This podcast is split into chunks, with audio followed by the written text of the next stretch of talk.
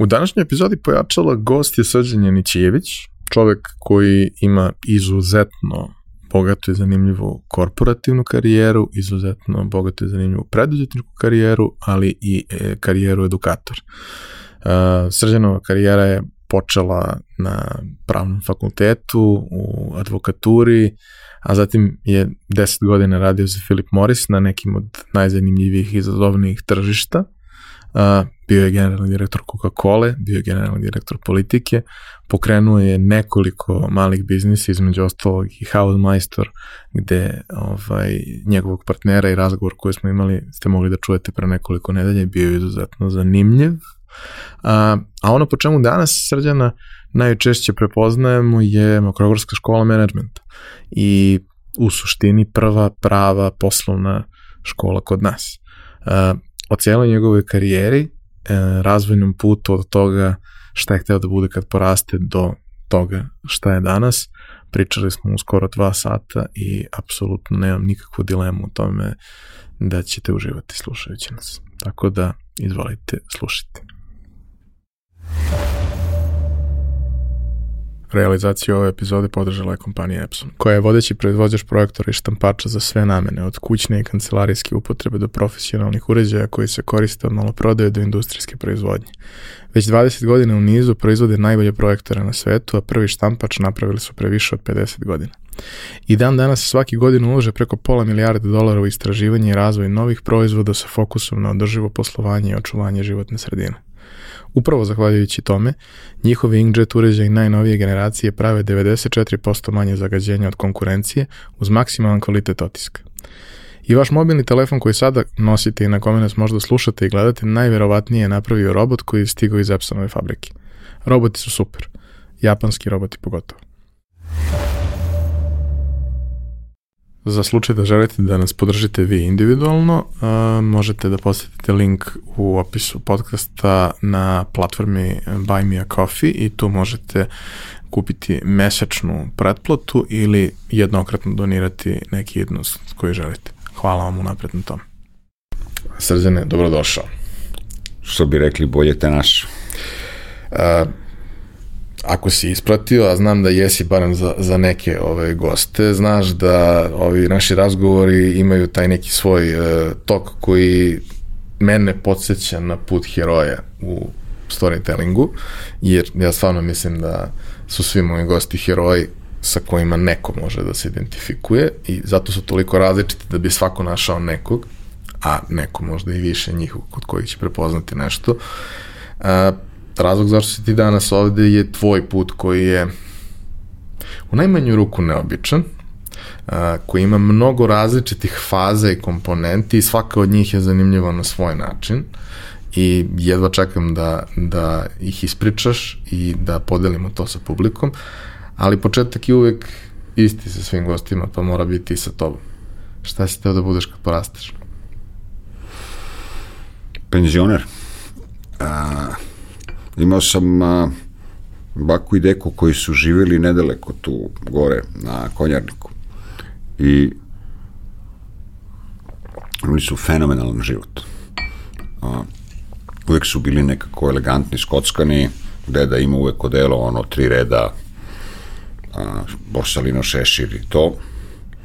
I oni su provodili po pola godine Dubrovnik, Igalo, Banje, jedno, drugo, treće, a ja sam gledao svog oca i majku i sestru koji rmbaju od jutra do mraka i nikad nema dovoljno love i uvek je ono to, kraj meseca je knap i onda mi je bilo, čekaj, kako je to mogu, pa ovi ljudi žive fenomenalno. I onda mi je bilo, kad je bilo prva stvar koja je bila, kad, šta ćeš budeš kad porastu, ja ću budem ko baba i deda, to, eleganciji varijanta, odelce, putovanje, malo igalo, malo opatija, malo ne znam ja šta, od čega, od penzije.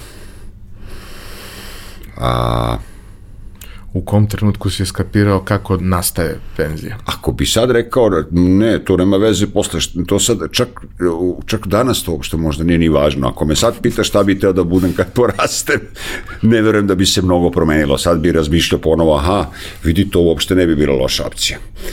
A, jedan bezbrižan uh, welfare život uh, gde u stvari je sve okej okay, ne moraš da ništa sad kao zara, zaradio si svoje uh, kako kažu englezi you earned your stripes i da onda normalno toga, ali bojim se da toga nema baš mnogo. Nema baš mnogo i da svi moji prijatelji znaju da ja barem jednom dnevno kažem da jedva čekam da odem u penziju, a vrlo je jasno da će to da potraje još jedno verovatno 30 godina. Sigurno. Mada taj moment koji, koji većina ljudi kad krene ta priča, a ljudi koji me ne poznaju nego onako kao usput pričamo, svi kažu istu stvar. Ma šta pričaš, ma ti ne bi mogao da ne radiš. Nije stvar u tom. Nemam ja problem da radim. Ja samo neću da moram. Da, da. Ti kad mi daš da ja ne moram, ja ću verovatno da radim isto, ali ću da se osjećam super. Ja ne mogu da ne radim, imam potrebu da, da radim neke stvari, ali neću da se opterećujem šta radim, koliko radim, šta je koliko plaćeno, hoću da radim iz uživanja, ono što mi se radi i u suštini to je za mene penzija. Yes. Barem u nekom yes. načinu ima, neka, ima dobra vest jedna, pre neki dan sam nešto čitao da su preduzetnici dugovečniji, agilniji, a, i otporniji a, na obolenja. To je neka američka studija pokazala, prosto zbog prirode posla kojim se bave, zbog te borbenosti koja mora da se luči da bi ti u stvari izašao kao neki makar a, virtualni pobednik a, u, sa tim zamišljenim neprijateljima sa kojima se ceo život mačuješ. Ne, ali ima nešto moment... Don Kihotovski u tome. Apsolutno, to je ono, ako preživiš proces, živećeš dugo. Da. Samo je problem u tome da li ćeš da ono preživiš pa s kakvim posledicama. Poslušam tebe malo pre što si mi objašnjavao za to šta si uradio sa ovim prostorom. Pa istu stvar smo mi radili u Vukovoj zadružni. Te neko pita šta ćeš ti to, koliko ti vremena otišlo, koga zanima što si ti menjao krov ili ja, ili što si, ne znam, ja u nekoj zgradi koja je ne znam, ovo gde smo mi je pod zaštitom države, pa kao imaš osjećaj da ti daješ ipak neki kao malo vraćaš društvu na neki način. Ma, uh, razumem one koji kažu, vidi, to je razlika u ceni je glavna stvar. Ili imaš razliku u ceni ili nemaš, a ove vaše te velike priče svrsishodnost, zašto se čovjek bavi stvarima kojima se bavi i tako, to je manjak preduzetnika, ipak ovih nekih koji su kontemplativci, pa više razmišljaju. Pa dobro, svi mi negde tražimo tu svrhu i svi pokušavamo da pravimo nekakav sistem u kome ćemo biti srećni i zadovoljni, pa sad šta u kom procentu, ali da postoji jedna i druga komponenta ako i kako moguće. E, dobro, nakon što si e, shvatio da želiš da budeš penzioner kad porasteš, e, Kako je tekla tvoja, tvoja priča sa, sa obrazovanjem? Šta te interesovalo? Šta te nije interesovalo? Šta su ti bile stvari koje su te ono, prvi put krenule ti pale neke lampice, a za šta si shvatio da mm, ti se baš to ne dopada? Jer svi prolazimo kroz obrazovanje u tom prvom periodu tako što se bavimo i stvarima koje želimo i koje ne želimo. Naravno. Svakom od nas je to različito. Šta je kod da. tebe bilo? Pa, znaš kako, mi smo moja generacija, ta 65-a, vidim da su kod tebe bili moji jedan moj dobar drugi prijatelj, ispisnik generacijski Bojan Stevanović, mi smo svi rasti u sličnim okolnostima. To je neko vrsta ipak nekog sovjetskog, koliko to nije popularno da se kaže, ali to je neka sovjetski model blagostanja regularno stanovi, znalo se da deca idu ili u muzičke škole ili na sportove i tako dalje. Tako da ja nisam bio daleko od toga. Moj otac je bio uh, državni službenik faktički ceo život, uh, majka profesor muzike, tako da je logično bilo da me sklone s ulice i da ja se bavim muzikom. Tako da sam ja išao u muzičku školu uh, više godina i svirao više instrumenta i da su me bili poslali na veslanje, umesto toga verovatno bi imao sve moguće besplatne stipendije na ovim Ivy League univerzitetima jer je mena ovolika. Umesto što sam išao da učim solo pevanje, klarineti, ne znam šta. Ali to ti razvije neku drugu vrstu a, crte. Bilo je tih koji su pričali da, da sam talentovan za muziku. U gimnazijsko doba me interesovalo da upišem dramaturgiju I to mi je bio, da kažem, prvi neki profesionalni san na kraju gimnazije. A, lepo sam pisao.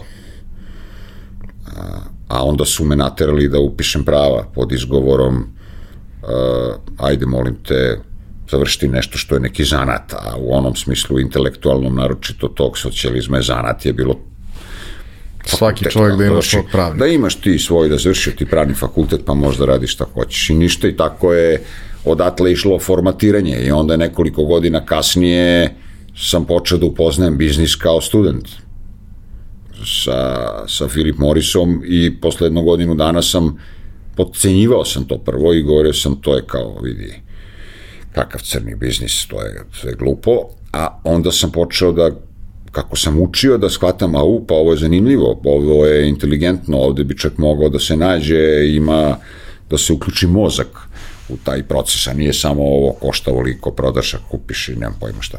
U svakom slučaju, tu je počela moja poslovna karijera i e, nisam pogrešio.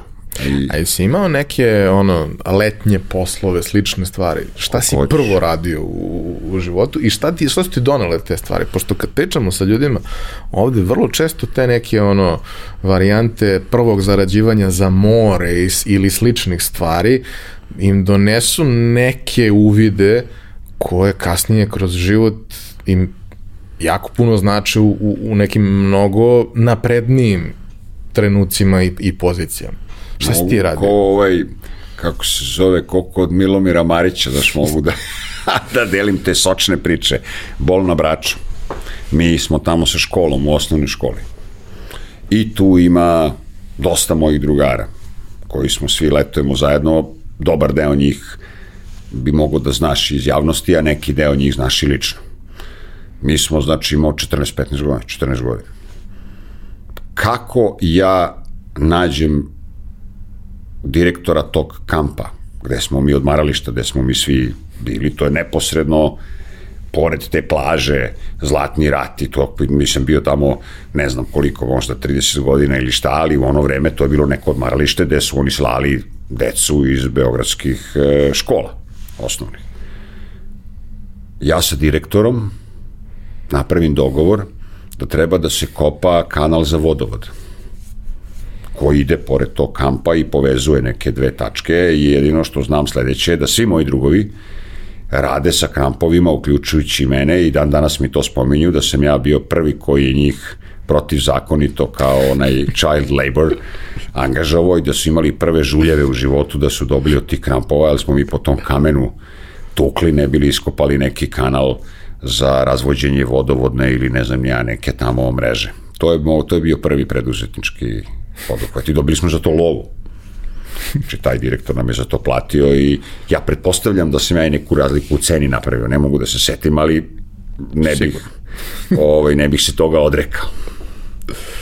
To je mogo da bude prvi. Prvi posao koji sam imao srednjoškolski je da sam radio kao kurir u službi društvenog knjigovodstva Jugoslavije.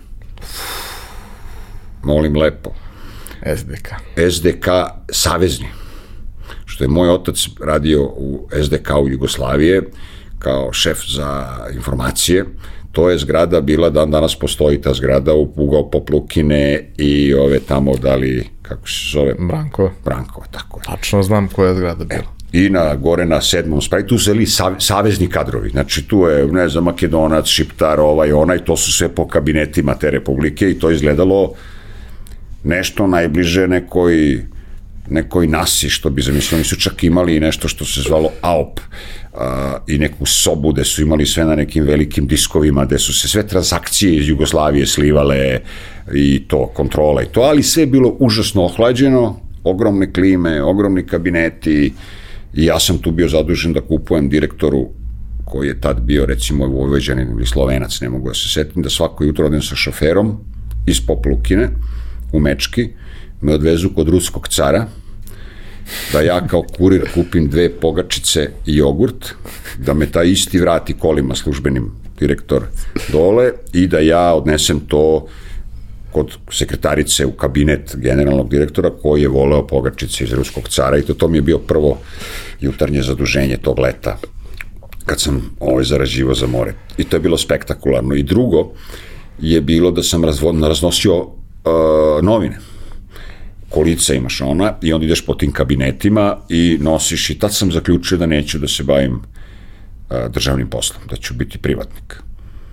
Jer ta količina dosade koju sam ja tada video u, u, u toj hladnoći tog, da kažemo, birokratskog aparata, gde najveća sreća je da li je NIN i da li je petak pa im daješ NIN ili je utorak pa je izašao ne znam šta ilustrovana ili bazar, ili već šta je moglo bude start, na šta su već svi bili, ali to su bile pretplate na sve moguće časopise i jedino kad se oni ozare je kad ti dođeš i doneseš, evo stigla vam vaša novina. To, to je nivo sreće. A, I to mi je bilo, to, mi je, to su mi, da kažem, iskustva koja pamtim. Ja, to su neke stvari koje nas sve formiraju u, to, u tom nekom periodu, znaš, ono, što kažu, razviješ traumu i kažeš sebi, ok, uh, možda ne znam šta hoću, ali sad već prilično jasno znam da, da, šta ne ovo prvo s tim kopanjem, to je stepen očigledno neke asertivnosti, kako sam ja mogao doći do direktora kampa, kako on došao do mene, tamo ima 300 dece, da sam se ja s njim dogovorio, ćemo ja kopamo rovove, ne, ne razumim, ne sjećam se uopšte, ne znam, možda neko od ovih mojih drugara zna. A ovo drugo je to, kao da sad dođeš na tržište rada, otac ti je rekao sad ćeš da radiš mesec dana, pa koliko ti zaradiš, mi ćemo ti dati još toliko, ideš na more. I to je neko ovo vreme, to juli, avgust, 3800 stepeni, ti sad kad treba da odeš na, na polju te pošalješ nekim džakom da predaš na poštu, to je da ti se stomak okreni, samo viče sebi vidi ovo, sigurno neću. Znači sad, otprilike to je to vrsta iskustva. A šta ti je dano pravni fakultet? Šta, pošto nisi ga birao, izabrao si ga uz vrlo jasne sugestije da, da je to put koji treba da ideš, ali šta ti je dono pravni fakultet? Kako ga pamtiš? Jel pamtiš nešto da ti je bilo interesantno, da te neko za nešto zainteresovao ili je to samo bilo uh, odrađivanje svojih obaveza i ispunjavanje svojih obaveza? Ja sam počeo da studiram prava tako, polu, posle vojske, polu nevoljno. Uh, onda se pojavio konkurs za jatove stjuarte i stjuardese, gde u ono vreme jat leteo prosto gde hoćeš primere radi za recimo mlađe generacije da razumeju, bilo nam verovatno 10 letova dnevno za Zagreb isto toliko, na primjer, za Ljubljanu ili Skoplje, znači ozbiljna infrastruktura putna je postojala, to zvuči kao da pričam, pre rata Kad ne, ne, ko, pre rata ko, smo imali sve, a e, to je... pogleda to, zna da je ja 80. godine imao direktne letove za Peking, Tokio, Yes. New York, Chicago, Yes. Toronto, da, da je bukvalno ta infrastruktura e, letova bila neverovatna da je zapravo jedna od najvećih vrednosti jata kao kompanija su bili slotovi na tim aerodromima tačno, koji su bili fantastični. Tačno, tačno, tačno. I vidi, ozbiljna, to je ozbiljan konglomerat bio i tu se vrteo i putovali smo, letelo na prazno, nego su to neki ljudi putovali, neki poslovi su se radili, nešto je privreda aktivna bila, ti samo kad pomisliš, aha, znači ljudi su leteli pet letova za Ljubljanu si mogao biraš u toku jednog dana ili za Zagreb, a danas nisam siguran da bi mogao napuniš jedan avion i kad bi se letelo, ako se leti, ni ne znam u stvari. Ovaj, a, ali ne znam uopšte što sam sad počeo pričamo o jatu i ovo, a da ja se prijavio za konkurs za stewardesu, za, jat, za stewardan za jat. I to mi je bilo kupa super, oni putuju, to se putuje po celom svetu i kao mogu ja to uzrad. U svakom slučaju mene tu na neku foru me dekuražira uh, Ćale tako što ja odem da spremam ispit neki koji je bio recimo u uvodu pravo u, kod neke drugarice u Milano koja isto studirala prava i kao će da pošalje za mene tu prijavu, pojavim se ja na taj konkurs, tamo sedi neka konkursna komisija, kako sam ja ušao unutra, oni svi umru od smeha i počnu, padaju od stolica, šta je meni Ćale napisao prijavu za taj konkurs koja je bila duhovita, ali sigurno da me odbio. Znači, takva ideja da ovaj kao nije normalan. Tako da, otprilike umereni kozer, prijatne spoljašnjosti, tako neke fraze su bile kretenske, da, ovaj, i u svakom slučaju, uh, ja shvatim da meni nema druge nego da studiram. I od te tačke prava koje je bilo, to je nužno zlo, sam ja završio pravni fakultet obožavajući ga kako sam koji ispit polagao, tako sam se sve više zaljubljivao u pravo. I, i već od treće, četvrte godine je meni bilo otprilike ja ću biti advokat ili ništa. I na tome sam radio i dve godine posle pravnog fakulteta, spremao kancelariju, išao pravosudni ispit. Ozbiljno sam se na to ložio. Pravo je strašna nauka. Iako mi je nešto donelo, donelo mi je da umem logično da mislim. Da je a, fantastično razvija analitičke sposobnosti ako se u to a, udubiš mada naš obrazovni sistem generalno ne razvija analitičke sposobnosti, prosto mi smo uopšte. reproduktivna, ali ako se kroz to provučeš pa misliš svojom glavom, to je strašna baza. Mislim, kako inače možeš da naučiš onolike hiljade stranica koje su za te ispite ako nisi sposoban da povezuješ, inače ne može, nisam ni siguran kako je moguće drugačije. Da, može na pamet, ja znam neke da. slučajeve, ali to je baš strašno. Da, o, tako da a, divno je pravo. Pravo je divna nauka i ona je stvarno fundamentalna a, nauka i mnogo mi je pomogla u poslu posle. A, ja sam jedan od redkih kolega koji su po tom multinacionalnom okruženju bio pravnik po obrazovanju. Uglavnom su to ljudi koji završe biznis ili su inženjeri ili su pravo je su više skupa i e, teška nauka da bi ti završio pravo, otišao da se baviš nečim sasvim drugim biznisom mnogo jednostavnije završi biznis.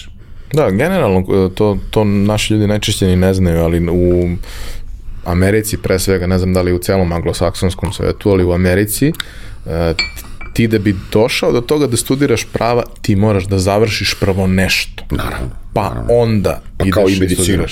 Ti, to ti je grad school. Ti moraš da završiš undergrad, undergrad je najmanje 3 ili 4 godine već nekog fakulteta i onda ideš na onda ideš dalje. I to A. moraš da ispuniš neke vrlo stroge kriterijume i uspeha tačno. i svega da bi pa, uopšte mogao da, da, da uđeš u tu da, priču. Da, teško da možda uđeš na tržište rada pre 30. u svojoj profesiji školujući se, a to znači neko treba da plaća, neko da finanar, to je. Ali je dobar, za biznis je dobro, uh, za poslovno razmišljanje je pravna logika jako zgodna. A zašto nisi napravio tu priču sa kancelarijom, nego si krenuo svoju karijeru s Philip Morrisom? Pa ja sam sve napravio. Ja sam došao dotle da je mene kancelarija mi je bila skroz opremljena. Znači, moja strategija je bila, pošto sam ja čovjek malih zadataka. A, a, I ja sve radim na, na malo, na kratko i na sitno. I to mi daje, to me motiviše. Onda je moj plan tada bio, ja završio fakultet, radim u advokatskoj kancelariji kod a, jednog velikog gospodina Voje Berberovića koji je bio čuveni beogradski advokat a, i spremam svoju, spremam svoju kancelariju. Ja odem, kupujem nameštaj, e, roditelji su mi me častili što sam završio fakultet, dali mi lovu da kupim kompjuter. E, sve se to sprema polako i sad recimo zanimljiv paradoks je, ja bih da to bila 91.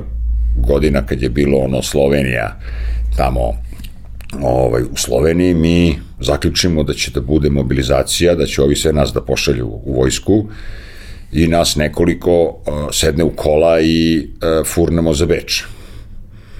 I sad u Beču su se našli klinci tih vo, vojnog uzrasta, što bi rekli, 19, 20, između 20 i 25 godina, iz svih krajeva bivše juge. Kogod je tamo imao nekog rođaka, neko studirao, neko je nešto, eto mi vidiš da bleje tako čim su grupe po 3-4 muškarca, to ti jasno ko smo i šta smo. A, I sad vreme došlo se mi vratimo. Meni je sad kao prošlo nedelju dana i kao otprilike jasno je šta je, idemo sad, vraćamo se kući i ja e, razmišljam. Da li da odem da kupim onaj shotgun, pošto je to moglo da se kupi u Austriji u to vreme bez e, dozvole ikakve, znači onu pumpericu, onu pušku, ili da kupim u nekoj radnji antikvarnici sam vidio dve dobre fotelje kožne za advokatsku kancelariju. Ja to obilazim danima, gledam ovo, gledam drugo, razmišljam, aha, dobro, pa sad taj shotgun bi mogao da se rastavi na tri dela, pa pošto idemo s dvoje kola da dam jednima ovo neke delove, ovo da ja to unesem. Šta će mi to da imam nešto za samoodbranu u kući, jer ide loše vremena, idu, vidiš da je komplikovano šta se dešava, to će sad da vuče neki kriminal. Znači mi to sve intuitivno razmišljamo kao klinci, šta će da bude. A, međutim, ja odlučim da to ipak neće biti to, nego da će biti fotelje za kancelariju i to otprilike je slika moje, mog karaktera. A, da preovladava uvek emocija nade umesto emocije straha. Zamerali su mi moji saputnici u kolima da su ih te fotelje tukle u potiljak iz nekog gepeka, što smo morali da, da tamo tumbamo, ali to je bilo zanimljivo iskustvo. I tako, ja sam završio taj staž i umeđu vremenu sam dobio školovanje u Švajcarskoj Filip Morisa na godinu dana, jer sam paralelno radio za njih kao uh, u suštini kao komercijalista i kao neki mm, šegrt. Uh, I onda sam rekao, pa dobro, super, odu ja na godinu dana da učim management, pa ću posle da vidim šta ću. I nikad nisam položio pravosudni, ja zaljubio sam se u management. I da sam da nisam imao prilike to da otkrijem. A niko nije to mogao u ono vreme ni da te uči ko je kod nas radio za multinacionalne kompanije od naših roditelja, niko živi. Nismo mi imali to znanje da nekog pita šta to znači. I uopšte šta je međunarodni biznis? To je mogo, najdalje gde si mogao da odsegneš je Genex, kao otprilike ovaj radi u Genexu, pa kao to je strava. Ima kontakt sa nekim Pa kao to je svet, već je Genex je svet, a da ti stvarno upoznaš ili neko ko radi za tu eksport i da upoznaš original nekoga koji radi za neku multinacionalnu kompaniju, to nije niko od nas. Ni na uh, Puškomet nismo znali nikoga ko bi mogao bude. I I ja sam onda razumeo da je to u stvari moj život, da je to, da, da sam ostao pravnik, advokat, nisam siguran da bih bio neuspešan, ali ne bih sigurno imao tu vrstu širine koju sam stekao i radoznalosti i socijalnog ispunjenja koje dobiješ kroz ovu vrstu posla. Mislim da taj trenutak možda i jedan od ključnih za ovo dalje što se dešavalo i sa Mokrogorskom školom i sa svim, a ja se sećam tog perioda, jesam ja bio klinac, ali moj otac je radio u marketingu i bio je na menadžerskoj poziciji, ja sam tako neke 91. druge prvi put čuo za izraz management. Kako sam čuo za izraz management? Tako što je on uh, radio povremeno pored redovnog posla projekte koji su mu bili plaćani u literaturi. Literaturi koju je svojevremeno Clio otkupljivao prava i prevodio. I ja i dalje imam tu biblioteku i dan danas ja neki od tih stvari sednem pa listam, a tad sam bio klinac od 7-8 godina koji samo nervira svog oca, tako što dođe i pita šta sad ovo piše, jer ja ne znam, ne, da, da, da, reči, da. ne znam šta je, ali mi je lepo, zanimljivo mi je šareno. I sećam se tog toga kao trenutka, jer sam dosta puta to kao premotavao kao, kao film ovaj, unazad, da je to u suštini taj period je bio trenutak kada se prvi put ta vrsta obrazovanja uopšte, uopšte pojavila i ta vrsta znanja ti autori bilo je i ranije nekih od njih prisutno ovde kroz, kroz prevode, ali da je to neki prvi trenutak kada je ozbiljnije kreće da dolazi strana poslovna literatura ovde, u trenutku u kome se sve raspada. Tačno. Pa vidi, u suštini e, to, ti imaš dva suprotna procesa. Ovde se sve raspada, a u istom tom periodu tamo doživljava ozbiljnu akceleraciju, doživljava bum. Znači, mi smo, te naše ose su išle, ova osa, da kažemo, liberalnog kapitalizma ide na svoj pik, a kod nas ide osa raspada i onoga što smo imali. Mnogo smo se više razišli nego što mnogo, bi se procesom slobodnog mnogo, pada i to, razišli. Tačno, tačno. I to, I to ljudi ni ne razumeju. Znaš, nije, nisu cene naših biznisa 2001. kad je krenula privatizacija bile toliko niske zato što ne znam nija šta, nego ti si izgubio korak sa vremenom, sa sajmovima, sa tehnologijom, sa tebe ta izolacija, otišli su ti ljudi, odneli su ti poslove, Uh, pa to. suštinski u mnogo slučajeva nisi se bavio uopšte time 10 ne, godina. Ne. I onda je to ne. jednostavno potpuno postalo deplasirano, bezvredno i danas imamo biznise koji su nekada bili veliki, zapošljavali desetine hiljada ljudi, hiljade ili desetine hiljada čak, koji se danas kupuju zato što taj plac je na dobroj lokaciji. Tačno, tačno, I zato što tačno nije preterano teško srušiti ono što postoji da bi sazidao nešto. Pa dobro, vidi, to na neki način je i logično ti prodaš na kraju šta imaš da prodaš. Uh, i ne znaš tu vrednost. Ti si možda pre 20 godina, 2001. druge, ja sam se tek vratio tad u Srbiju i mnogo me zanimala ta privatizacija. Na kraju mi je užasno drago da u njoj nisam ni na koji način učestvovao. Iako sam bio vrlo tempted, što bi rekli Srbi. I gledao i zanimale su me razne stvari gde bih možda mogao da učestvujem, ali na kraju mi uvek bilo nekako... Mm, Možda nije za... A, mo, za nekog, možda drugog, ali uvek je bio neki razlog na kraju zašto bi bilo kao ja to ipak ne mogu. Ali uh, tužno je to, to je kao da, znaš, kao kad kupuješ neki stan, pa ko ima karmu da gleda, znaš, tebe interesuje ko je tu živeo i šta je bilo i kakva je toga, e, koji je neki background, kao da ima neka energija koja se, koja se u stvari prenosi, a možda čak i ima, samo što to nije a, naučno, inženjerski dokazano, ali znaš, to se grbo rodi i vreme ne ispravi. Mnogo je tih stvari, a, te vrednosti koje tako prebacivana, bud zašto, ništa se s njima nije ni desilo. I to je kako je došlo, tako je i otišlo i činilo ti se da je nešto jeftino, a na kraju sve ispalo skupo. Mnogo je bolje ovako, ti nešto se trudiš, pa guslaš, pa radiš, pa svaki dan, pa ovo, pa ono, pa sad nešto bude od toga bolje, nešto možda nekad ne bude uvek kako treba, ali imaš makar osjećaj, osjećaj da znaš šta je stvaranje. I ako ništa, ti snosiš odgovornost da. za sebe i ono što... Najlepše u stvaranju je osjećaj stvaranja uh, i u preduzetništvu, a sve ostalo je su side efekti, ali taj... Uh, švajcarska. Kako je bilo u Švici? Švicarska, švicarska. Švajcarska. Švicarska je fantastična no iskustvo i fantastična zemlja. A, tamo mi se rodila čerka tamo sam se oženio. A, tamo imam dobre prijatelje. Mi smo manje više držali e, sve vreme, da kažem, boravak, taka i politika bila e, Filip Morisa, da svi ti koji su po raznoraznim zemljama iz tog regiona, da im je na neki način matica a, švajcarska. Kako Mo... je taj deo uopšte ono, obrazovanja izgledao? To, to doškolovavanje koje si dobio? Pa znaš šta, oni su imali eksperimentalan program, pošto se sad to staviš u kontekst vremena, koje je opet slična neka, može bude neka turbulentno vreme u kome živimo i sad. Ti si imao da se otvorio 89. 90. otvorio se blok čitav.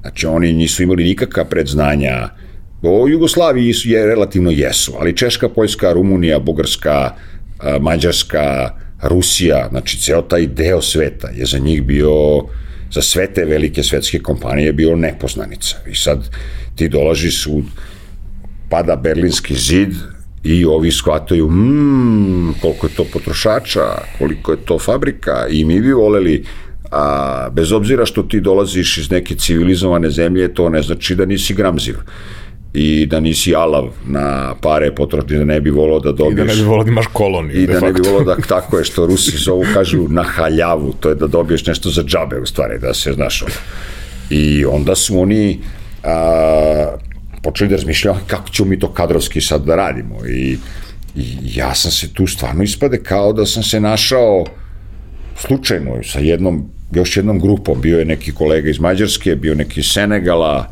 bio neki Nemac, jedan Irac i mi smo bili prvi ti neki pokusni kunići e, za kreiranje kadrova. Oni su sve nas fakulteta pokupili, različitih, znači ja sam imao godinu dana, godinu i po radnog staža u Beogradu, oni su prepoznali kao, aha, ovaj nije glup, možda bi mogli nešto da napravimo, kao da su sad pa imali izbora, nije bilo njih sto da biraju, nego sam bio ja i bio možda još neko, ali mali izbor, da, da ne preuveličavam sad ja tu ideju kako uh, je od 20 miliona Jugoslovena je baš palo, ne, uh, izbor je bio mali.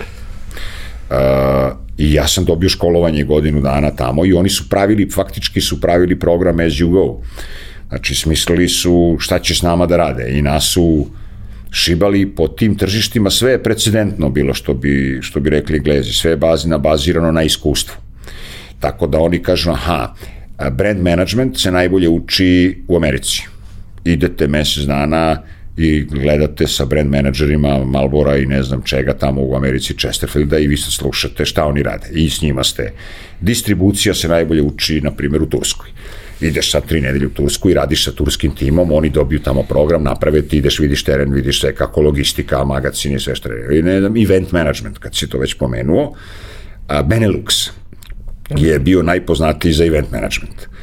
I mi smo bili kao klinci, su nas tamo poslali na, na dve nedelje da a, pratimo organizaciju Luven festivala, koji je u Luvenu najveći muzički festival koji je, govorimo vreme kad je reklamiranje duvana bilo potpuno slobodno, znači od Formule 1 do da, da. Trk, Formule 1 na vodi, voz koji povezuje stenovite planine, koji se zove Marlboro voz, koji služi. Ja mislim, perverzije na. Strašna stvar za školu, da nauči šta sve može i šta sve radi marketing. Podsjetit ćemo se da u ono vreme počinjati karijeru u marketingu kada je E, e, nadaleko najvrednija robna marka po svim onim brand kriterijumima bio Marlboro, pa onda ide Rupa, pa idu Coca-Cola, ne znam, IBM, šta je moglo, Procter Gamble, ovo je bilo, vidi, ovako. I pritom su to bilo džebane i bilo je znanja da se to radi i slobode. A, I ja se tu skroz, e, kako ti kažem, ozbiljno se primim, a to je rađeno a, kako se zove onaj film Tom Cruise, advokat, zapošljava se kao mladi advokat u... Mm, Gordon Gekko. The Firm. The, A, ne, the, the firm. Ne znam da li si to gledao, to je firma. Stari, to, i u to vreme se taj film pojavio, kad je meni je supruga došla, živi sa mnom u Lozanu, ja imam službeni stan, službeni stan je preko puta zgrade, gde mi idemo na posao, u službenim stanovima žive sve mladi službenici, da li su solo, da li su oženjeni, da li su, ali sve je sistematizovano uh, do krajnjih granica. Uh, odelo koje nosiš može da bude sivo ili teget.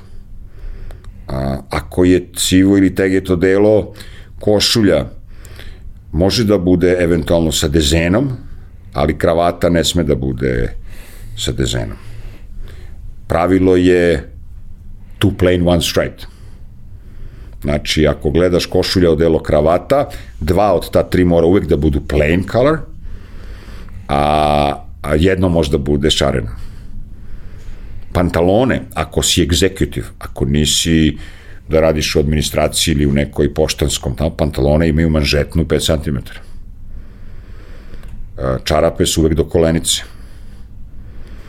A, cipele su uvek crne ili tamno brown nema zelene, nema brao, nema antilop, nema... Nema ovo danas. Razumeš?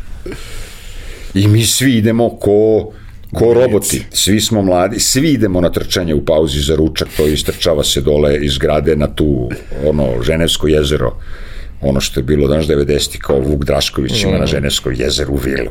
Nije imao vilu, to je ovaj... A, I svi smo to, mladi japi, to je japi pokret. U ono vreme je japi pokret bio još to, ono, to bi na piku. Na piku.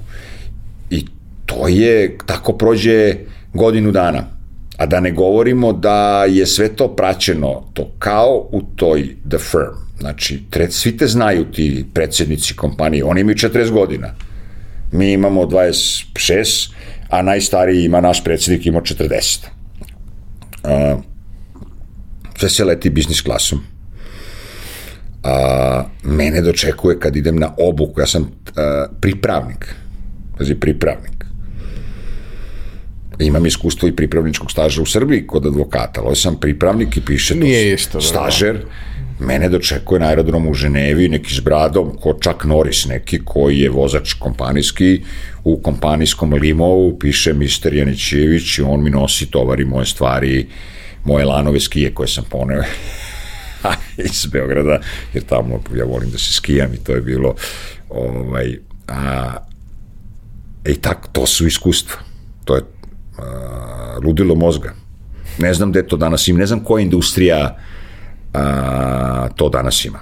Sjećam se kad sam uh, istraživao, uh, jer me je to nešto zanimalo kao fenomen ovaj, ko je dugoročno investirao i nije menjao gde je investirao, u kojim industrijama je najbolji povrat.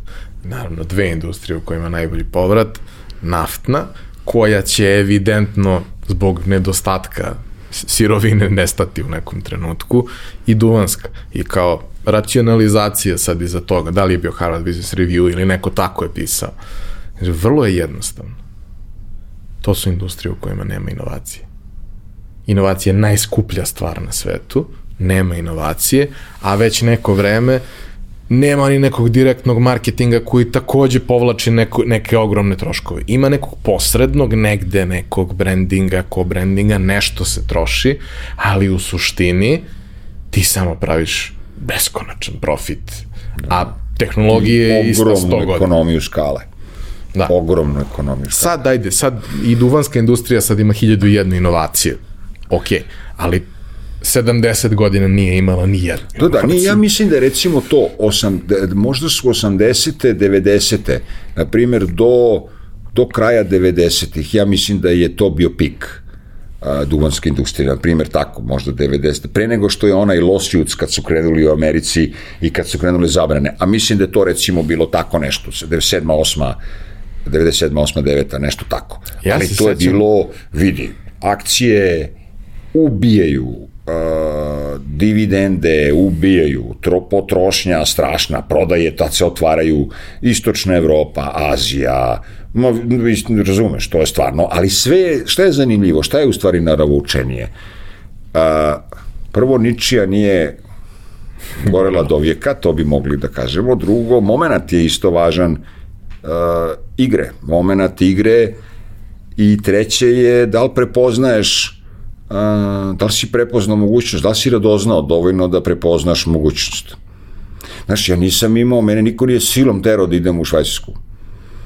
A, niti je to, niti sam ja maštao da kao sad ja treba da idem, vidi, ja idem iz pozicije gde ja znam da je u, na primjer, aprilu 92. ja imam kancel tablu u Svetozara Markovića, kancelarija advokat Srđan Janićević, 90, vidi, to je isto sa 26 godina, nisam siguran da to bi to bio manje uspeh nego što je uspeh da si pripravnik u nekom, da em ne znaš engleski toliko dobro, em ne znaš, bi si studirao biznis, nisi, znaš, meni je bila logika, ma ja sam brzo završio faks, pre nego moja generacija, ono, ovi su to malo žvalavili, idem da vidim godinu dana kao da, ono, kao da sam stavio, ko visoko plaćeni onaj backpacker. Platio ti neko da dodatno učiš i to. Nisam ja imao neki kao commitment, to je sad nešto za šta ću ja. Ja sam se posle primio. I uh, kad si se primio, tvoja karijera u Filip Morrisu je bila vrlo interesantna i dinamična. Šta si radio, kako se to razvijalo, upravo iz, iz perspektive i uzevši u obzir da je to zlatno doba da. industrije. Pa i to je samo to. Ja ne znam, sa, pošto stvarno nisam u nekom kontaktu sa, sa a, detaljnijem sa tom organizacijom sad, ali ne verujem da je fundamentalno ona u pogledu korporativnog upravljanja izmenjena. Možda je malo depresivnija zbog promene industrije i to, ali u ono vreme je to bilo bazirano na postulatima koje mi danas predajemo u školi, a ticu se razvoja karijere. Takvu brigu o zaposlenima, a, ne samo brigu u smislu to, dao ti neko da letiš biznis klasom, ne to, nego brigu o tvom ličnom profesionalnom razvoju, mentorstva i feedbacka koju ja nisam nigde posle video. Ni kod svojih klijenata, ni u drugim firmama u kojima sam radio, ni, znači to je I šteta je što je zbog te prokuženosti industrije to nisu neke javne činjenice. Oni su strašnu metodologiju imali za pravljanje kadrova. I za negovanje talenta. A, a, I razvoj. Pa to. Znači, od momenta kad smo mi ušli unutra kao pripravnici, kad je neko tebe definisao i rekao, aha, on je high potential, tog momenta oni počinju o tebi da brinu na najrazličitije moguće načine da te bri, briju, da, te, da ti daju feedback, da te, ono, da ti daju izazove i zadatke u kojima ćeš ti da učiš, ne bi li te naciljali da budeš nešto što je krajnja destinacija. I ja sam skoro imao pre nekoliko godina a, sastanak, a, druženje sa mojim i sadašnjim akcionarom u, u MŠM-u, a inače mojim a, šefom u to vreme kad sam bio pripravnik, koji je imao veliku karijeru. A, on se čak zove George Farah, on je pravoslavni libanac i on je završio valjda kao vice president duty free uh, worldwide. Mislim da mu to bila neka poslednja pozicija. To je nekoliko mesta od Svetog Petra. I sad mi sedimo i pričamo i on kaže, znaš, meni je užasno žao što si ti otišao tako rano. Samo 10 godina. Da. I kaže, ti si bio, uh, you had a VP profile. Znači, ima, oni su tebe definisali u nekim knjigama, u nekim papirima kadrovskim, kao nekoga, ovaj možda dođe do ovde, a ovaj možda dođe do ovde, a ovaj možda dođe do ovde. I a, to je meni jako bilo zanimljivo. I ja mislim da je ta vrsta brige o ljudima može da se primeni taj algoritam i na malu porodičnu organizaciju, može da se primeni na školu, kao što je naša, a može da se primeni ozbiljno i na korporacije koje posluju u Srbiji, a imaju tu slobodu da se time bave, znači koje nisu, da kažem, ograničene pravilima i procedurama, nego imaju slobodu razvoja kadrova. I to je realno najskuplja stvar. Znači da brineš o nekom resursu koga si identifikovao kroz karijeru, pa to najviše vredi. Da, ako uspeš da zadržiš tu osobu da. i da, da razvijaš tu priču, ono, potencijalno štediš jako mnogo tačno, i dobiješ tačno. jako Ali mnogo. da zamislimo recimo i taj ograničenje, to koje kažeš, koje nije malo ograničenje, u ne mogu da zadržim. Ja sam identifikovao nekog mladog čoveka koji, će, koji kod mene radi. Toga sam imao u karijeri ranije, neku osobu. Imam nekoliko jako uspešnih žena sa kojima sam sarađivao, koje nisu mogle da ostvare karijeru u svom, u domenu posla koji smo mi, pa nema veze, ti si u kontaktu i za kasnije. Tvoja, nema veze što tebi neko ode. Ti si u obavezi da tog nekog preporučiš, da mu pomogneš, da mu, da mu na nekom drugom mestu gde on može da odskoči dodatno budeš podrška. Na kraju mi to treba shvatimo u jednom širem smislu. Znaš, poslovođa, da tako nazovem, ono čime se mi bavimo, onih upravljača ili poslovođa ima ma, maksimalno 10% od ukupne radne populacije. To je posebna grupa ljudi.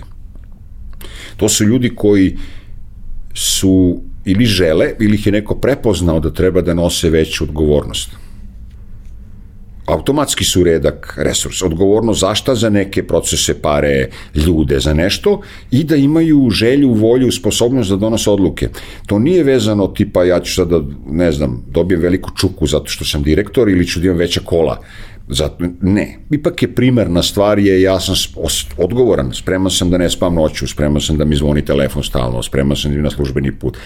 To je redak, eh, većini ljudi to neće. I to nije samo kod nas, većina ljudi nigde to ne, neće odgovornost. Ne želim da budem odgovoran. Znaš, nemoj kao de, takozvani onaj delegate upwards, ali kad si prepoznao tu neku kastu, to su ti što mi zovemo high potential. High potential su oni koji se ne libe da hoće da uče, da rade na sebi, da budu odgovorni, da donose odluke. Svaka organizacija čezne za takvim ljudi, čezne. U to usto spada i da su preduzetni. E, jer preduzimljivost je potrebna bez obzira da li si ti u privatnoj firmi u preduzetnik ili radiš u korporaciji. Nema napretka bez preduzimljivosti.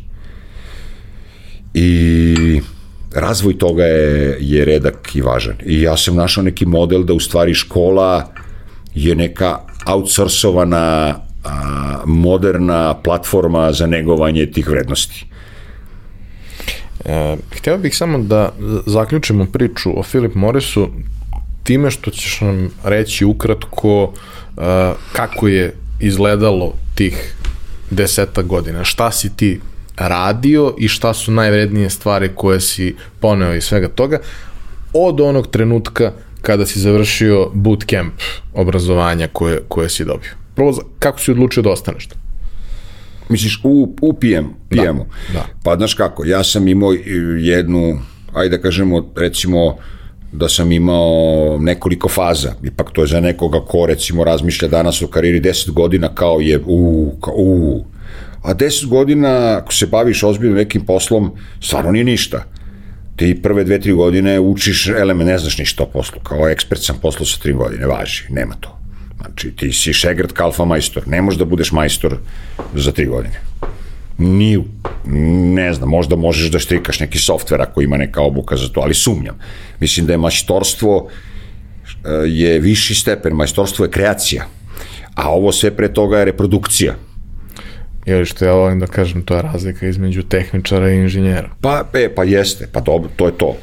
Uh, ja sam, u prva faza je bila, ja sam napipao to šta je, ništa mi se to nije svidelo i gledao sam to kao s nekom fazom, nekom dozom pocenjivanja, ma kao privreda, valjam pljuge, to, pričao sam to sto puta, moja baba je govorila šta radi mučenik, unuk kad pije kafu, kaže vidi jednoga, obilazi kioske.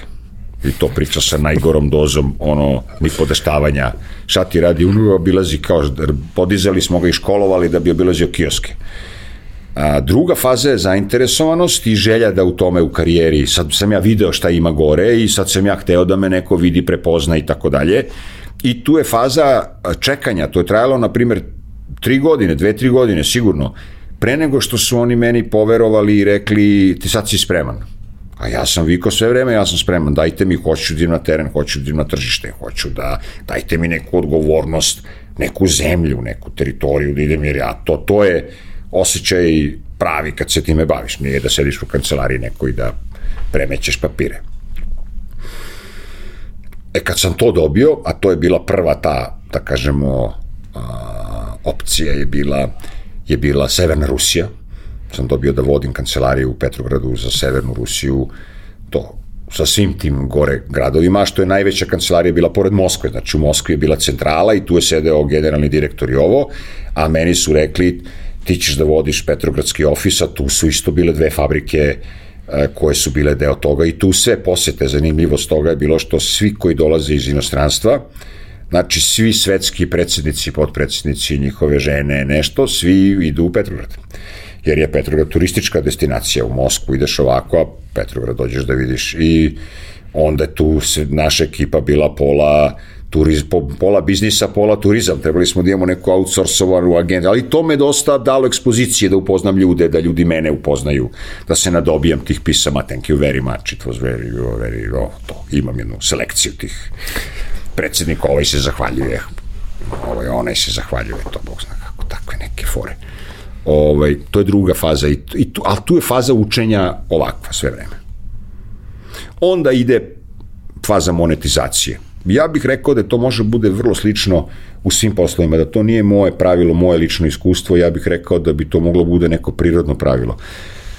Faza monetizacije je već kad počneš da naplaćuješ to što znaš. Rekao bi da to ne, ne može da se desi ili redko će se desiti pre pete godine, a optimalno od uh, desete, ako dobro imaš razvijenu neku konzervativnu, stabilnu karijeru, onda ide faza uh, ozbiljnije monetizacije. Ja, Ali onda malo možda može pada interesovanje, što je bio moj slučaj. Zasjećenje. Jer ti sad, vidi, osetio si lovu o kojoj nisi sanjao, osetio si poziciju o kojoj nisi sanjao, a onda ide repetitivno. Sad oni kad tebi kažu, vidi, sad si u Moskvi, za dve godine si u Almati, a za tri godine si u Baku ili nemam pojma na Tajlandu, ti suštinski radiš isti posao.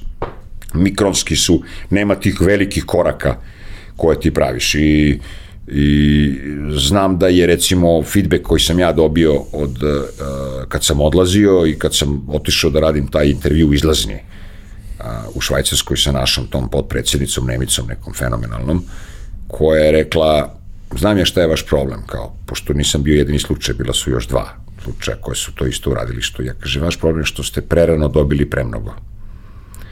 Što tačno a, mi smo se nakačili na taj talas da se otvorilo rusko tržište i u drugoj slučaju u Španiji, Portugalu, negde u Belgiji bi čekao da imaš o, 50 godina da ti neko da da budeš generalni direktor. A mi smo ovde na tom talasu ovo, ovaj u Češkoj, ovaj posto u Mađarskoj, ovaj sa 30 nešto u Rusiji, mene pošalju sa 30 da budem direktor Severne Rusije, budem direktor marketinga sa 33 godine za sve te stane a, u centralnoj, znaš, premlad, i ti posle imaš tu šta, šta, šta ću raditi sa 40? I onda, Nema dalje. Pa ne, onda smo mi, onda smo mi, ima dalje. Onda su ti ljudi koji su bili ta moja generacija, plus minus dve, tri godine, svi smo otišli u neke privatne biznise. A, I svi su ljudi pokrenuli, jedan je, ne znam, pravio čips, drugi su, drugi jedni su otvorili shopping mall, jedan pr, od prvih u Moskvi, vrlo uspešni, sad žive na Majamiju. Jedan otišao u poljoprivredu u Turskoj, kupio neke tamo, krenuo se baviti. Znaš, to je, ali ti si tad ipak bio, nisi došao do pola karijere, to si 40-godišnjak koji je, nisi ti sad otišao zato što ti plata tri marke nego si otišao što si dobio sve, zaradio si tu kintu, onda si shvatio pa imam snage i pameti da radim još nešto, a nije, nisam, što bi rekli, nisam bez para. I na neki način to je bio i moj slučaj. I e, kako donosiš odluku da odeš i sa kojom idejom izlaziš? To su me juče pitali na Mokroj gori, sad smo neki program otvarali, pa jedno od, ovaj, jedno od prvih pitanja je bilo, pa kao, kako to, evo mi znamo toliko direktora, nikad niko nije pokrenuo privatni biznis, osim ako nešto nije lapije od firme. kao budeš kao, bio si direktor, pa kao odneseš kući neki ugovor i onda kao sad si ti privatnik, a u stvari sediš tu na... A, Ne znam, ja mislim da to ide nešto iznutra i da ćemo toga više i da gledamo kako mlađe generacije, mi mlađe, da, ove sve što su mlađe od, od nas, već da će biti prirodnije. Imaš ideju, ne bojiš se sad te ideje, znaš, to nije pre 20 godina, evo uzmi, uzmi na primer, ja sam počeo da se bavim aktivno preduzetništvom e, 2003. Znači, moja, moja odluka je bila promene preduzetništva uvijek zanimalo, ali je bilo dosta više korporativnog života i bilo je kao sad ne mogu da idem ponovo u inostranstvo, ne želim da idem. Srbija mi se činila sasvim dovoljan teren da mogu da ostvarujem svoje socijalne i materijalne ideje. Malo I, je to bilo i vreme nade.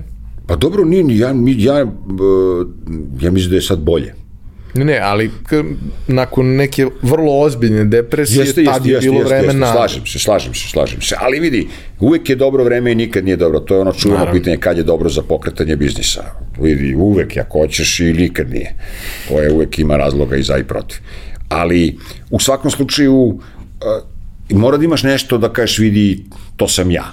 To ja to hoću, pa sad ti ćeš da probaš, pa neko će proba jedan put, pa dva put, pa ali to je neki prirodan proces e, traženja i, i sazrevanja. Mislim da je najgore ako nemaš ideju i ako pustiš da te voda nosi, pa sad bilo da si u privatnom biznisu, bilo da si u korporacijama, to je meni recept za katastrofu.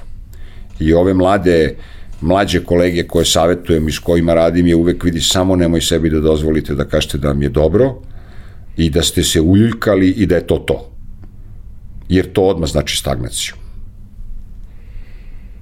A u nekim godinama u, u kojima imaš najviše potencijala da, da nešto daš, stagnacija baš i nije dobar scenariju koji možeš da, da, pa nije, da pa ne, ne, vidi, ti ne, nisi ti ni svestan stagnacije, ali mi, znaš, ako danas razgovaramo, imaš neki svoj posao. To je kad mene ove mlađe kolege pitaju, pa kako vi stalno nešto tražite da idemo, da inoviramo, da ne znam, se svaki put nešto menja, da ima stalno neko unapređenje. Sad vidi, realno, ja sam već mator i osjećam se mator, ne osjećam se ja sad da imam 30 godina, samo imam drugu vrstu energije i mudrosti i gledam stvari, što bi rekli, da bolje iskoristim vreme, jer umem, imam iskusniji sam u tome, ali Šta si ti zadovoljan? Ako si zadovoljan, si zadovoljan što iste prošle godine bilo isto što i ove godine. Na isto si mesto išao na more, isto ti se desilo, sve je postalo to e, nisam siguran da je to za ovo vreme u kome mi živimo više dovoljno.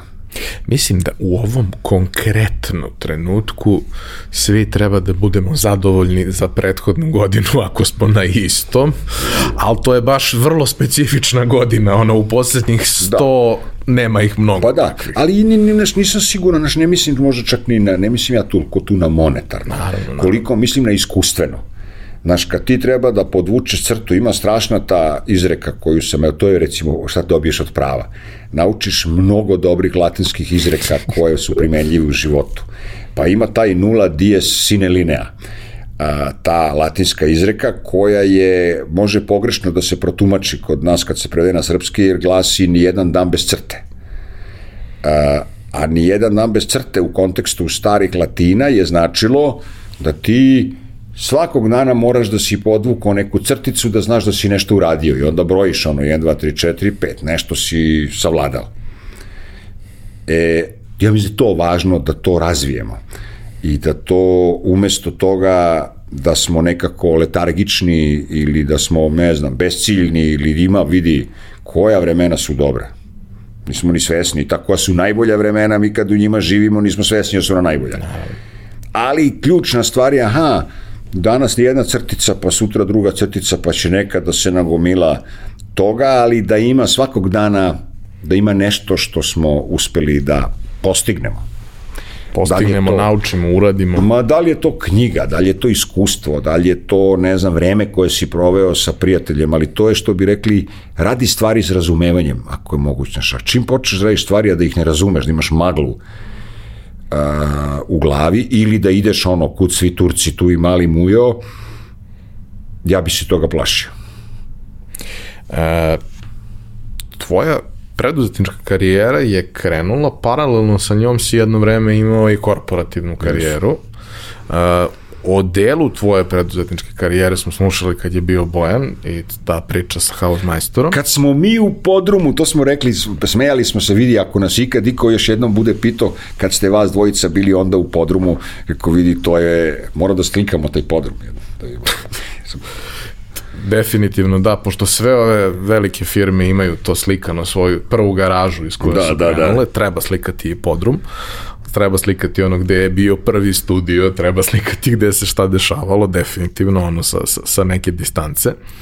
A, ajde samo da završimo korporativni deo, jer korporativni deo je opet vrlo interesantan. Bio si uh, jedan od, od važnijih ljudi u kompaniji koja je posjedovala najvrednije brendove na svetu u duvanskoj industriji, a onda je došla Coca-Cola koja, mislim, znaš, pa je, to je, da se, god, to je da se zakuca.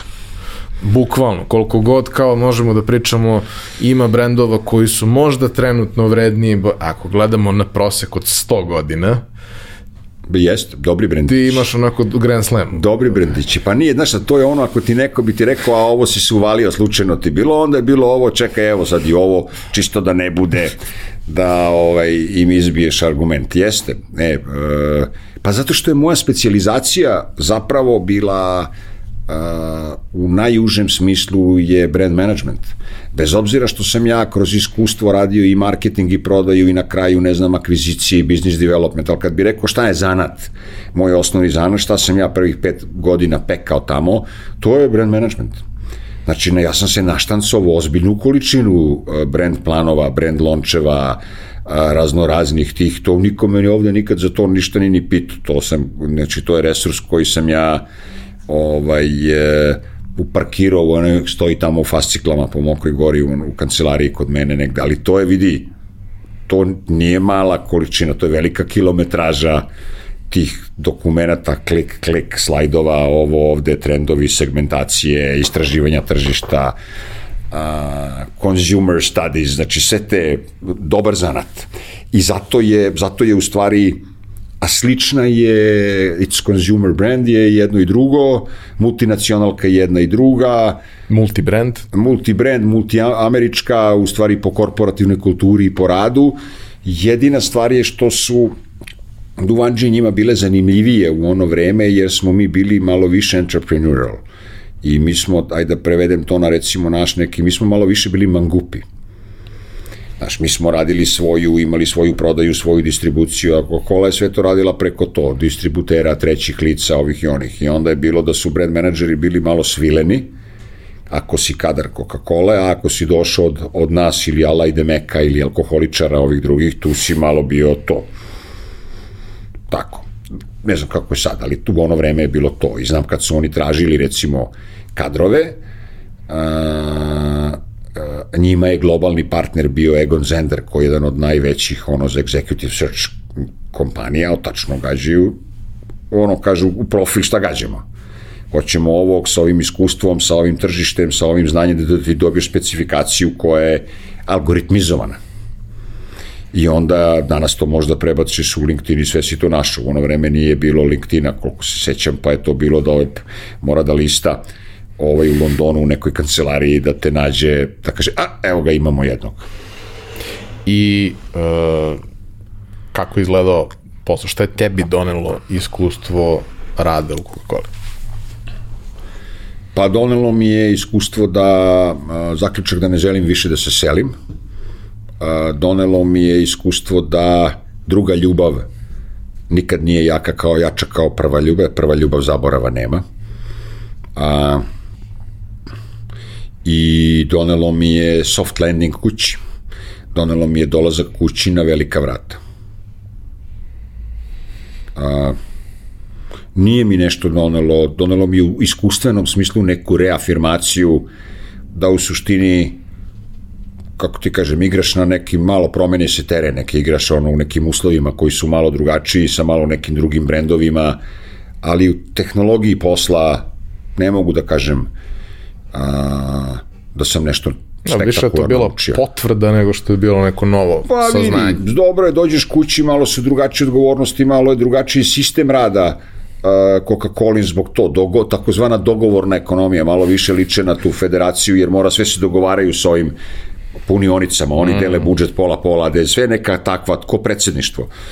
A mi smo ovde bili, vidi, ako si tata na terenu, na tržištu, ti odgovaraš gore, Lozani imaš, odgovaraš za svoje profitabilnost, odgovaraš za svoje, znaš, malo je... Ali imaš uzde pa, sediš u, sed, sediš u sedlu i to je tvoje A, a, mm, ali moguće da je to isto zbog toga što ja sam stvarno najbolje iskustvo, ja sam u profesionalnom kadrovskom smislu smislu radne etike uh, u stvari formirano u Philip Morrisu. Ja, ako postoji išta što bi mogao bude neki njihov klon, bez obzira što je to bilo pre 20 godina kad sam ja za njih radio, to je, ti postulati su neki jako, jako dragoceni. Tu su, oni su mene tako formatirali. Uh, kažem, tvoja korporativna karijera je išla u paraleli u jednom periodu sa, sa preduzetničkom, između ostalog još jedno od iskustava je bilo da si bio generalni direktor politike. E, jesam, i to sam bio, tačno. Pa kako to, pa ko bi to odbio? Što po Bogu? Pa...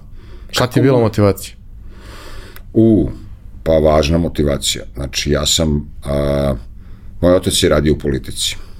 Tu priču znam, zato, zato te pitam. Jedno, dva. A, ja sam kako da ti kažem, ja sam konzervativac po, i, i, po uverenjima i lokal patriota. I deo mog povratka u Srbiju nije da dođem zato što mi dođem da kibicujem. Moj deo je bio, moj deo, razlog mog povratka je dođi da dolazim da bi nešto doprineo, želim da budem učesnik u, u promenama. Politika je bila jedan od četiri stuba društva u srpskog društva. I uh, nenormalno značajna bila za našu pismenost. Naš politika je u prvoj polovini 20. veka bila Google uh, po načinu kako su pisali i po tome koji su novinari tu bili, kako se to radilo, u poređenju recimo ne, ne može se porediti sa drugom polovinom 20. veka. Znam, mnogi bi mi zamerili ovaj, to što kažem, ali to je istina. Kad gledaš naslovne strane, kad gledaš prelome, kad gledaš tekstove, prvo politiku je zadesila sudbina jednu građansku, ozbiljnu, intelektualnu novinu građanskog srpskog društva, je zadesila sudbina, pa ajde da kažem, komsomolske pravde ili tako neka slična to. Ostaje isti branding, a u stvari iznutra smo ga u mentalnom smislu sovjetizovali. Pa sad nismo ga, nego smo ga samoupravno, ali škola misli je ista. I eto zato, u najkraćim crtama, da dam neki svoj uh, uh, doprinos uh, mojim nekim uverenjima. Ja bih volao da je politika danas Frankfurter Allgemeine Zeitung ili Die Zeit ili New York Times, nažalost nije, iako bi se tako moglo gledati, ja bih mogu kažem da u svom ultimativnom cilju u tom smislu nisam uspeo. Ali ako bi kao optimista upario ono šta je realno moguće, ja sam tamo za tri godine uradio verovatno više nego što je bilo ko u poslovnom smislu s politikom uradio u 34 godina.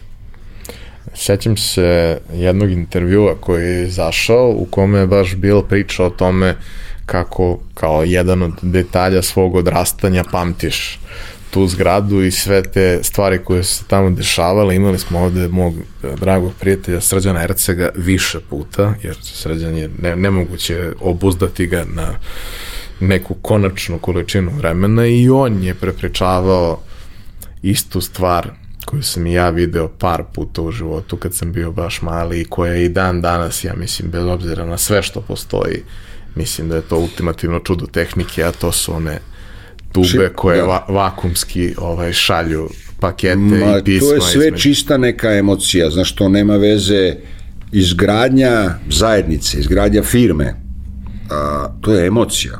To je neki sistem uverenja koji koji ti deliš i sad onako u ono vreme je bilo kao to, tako pitanje, pa što po Bogu, šta će ti to, ti si bio ovde, ti si bio ovde, koji će ti đavo?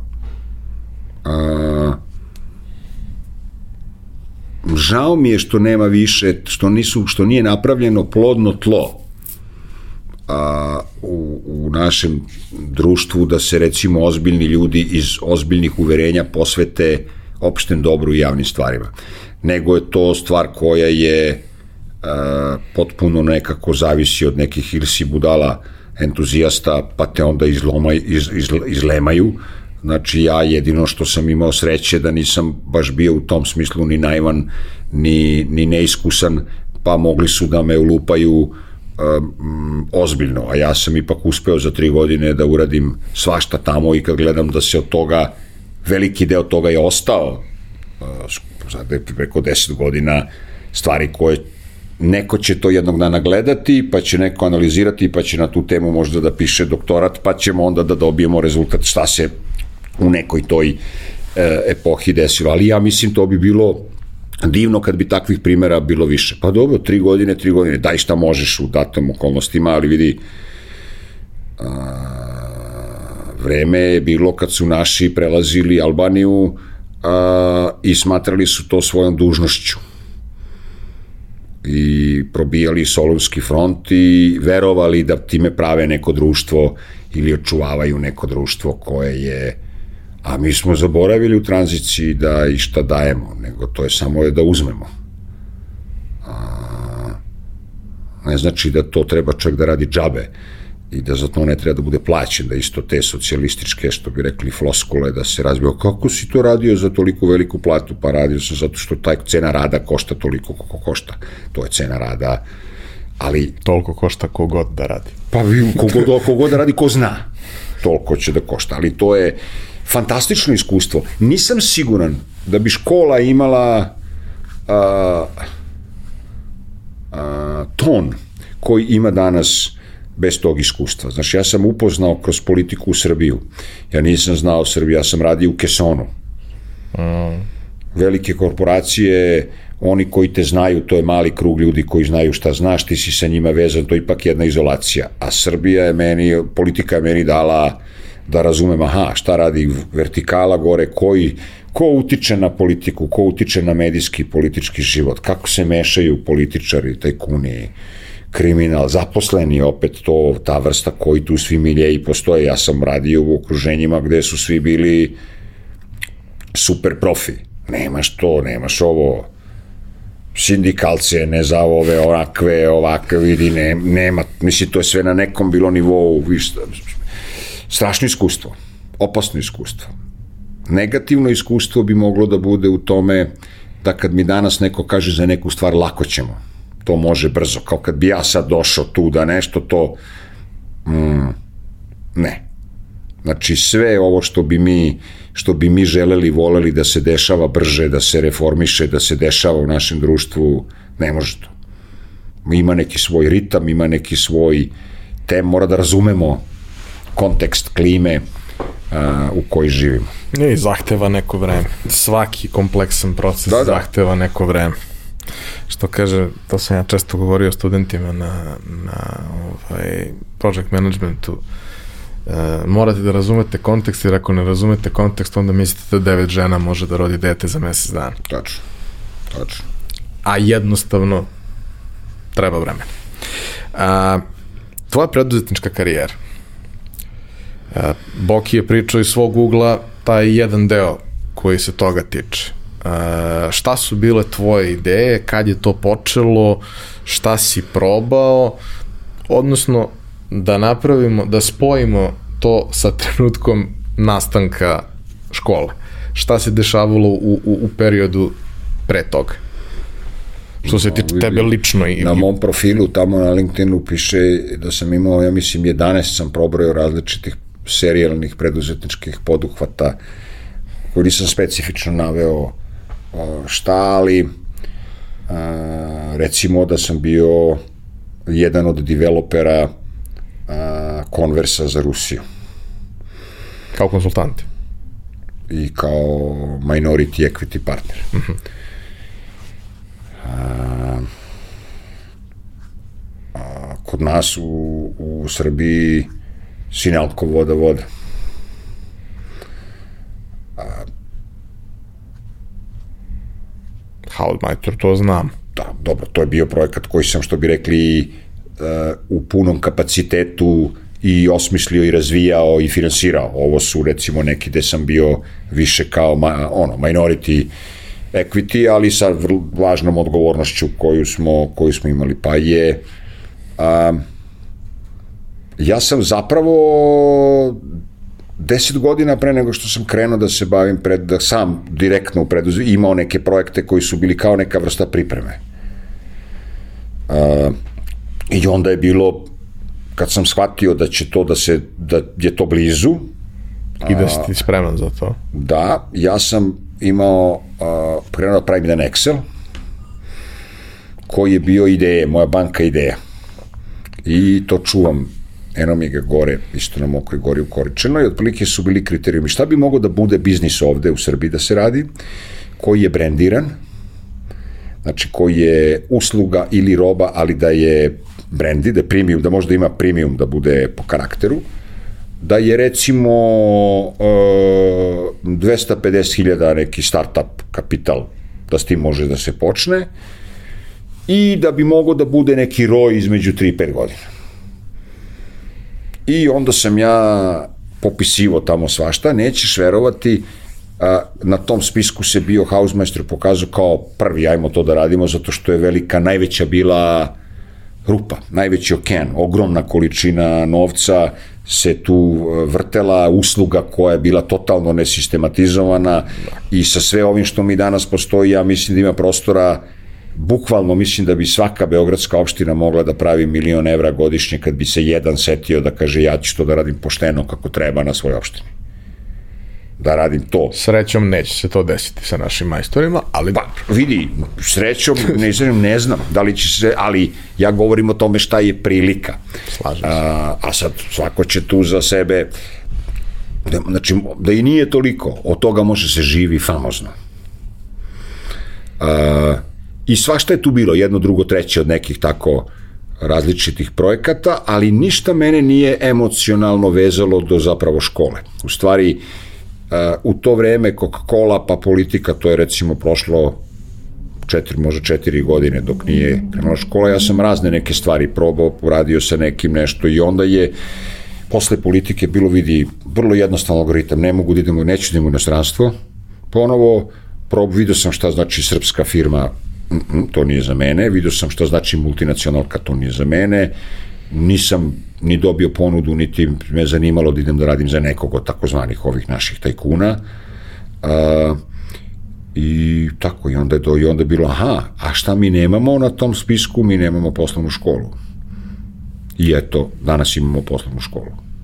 A, od trenutka kada si došao na ideju da to radiš, do, do trenutka kada je to počelo da ima neke konkretne obrise, šta se dešavalo, kako je bila osmišljena ideja, zašto baš na ovaj način? Znaš kako, sad će da bude e, za svu sreću sad ja mogu, nema nikog drugog da može priča tu e, od ljudi koji su sa mnom u tome učestvovali a, da da dele tu vrstu početničkih iskustava, ali to je dosta išlo brzo. I ja sam inače a, prilično bio nestrpljiv.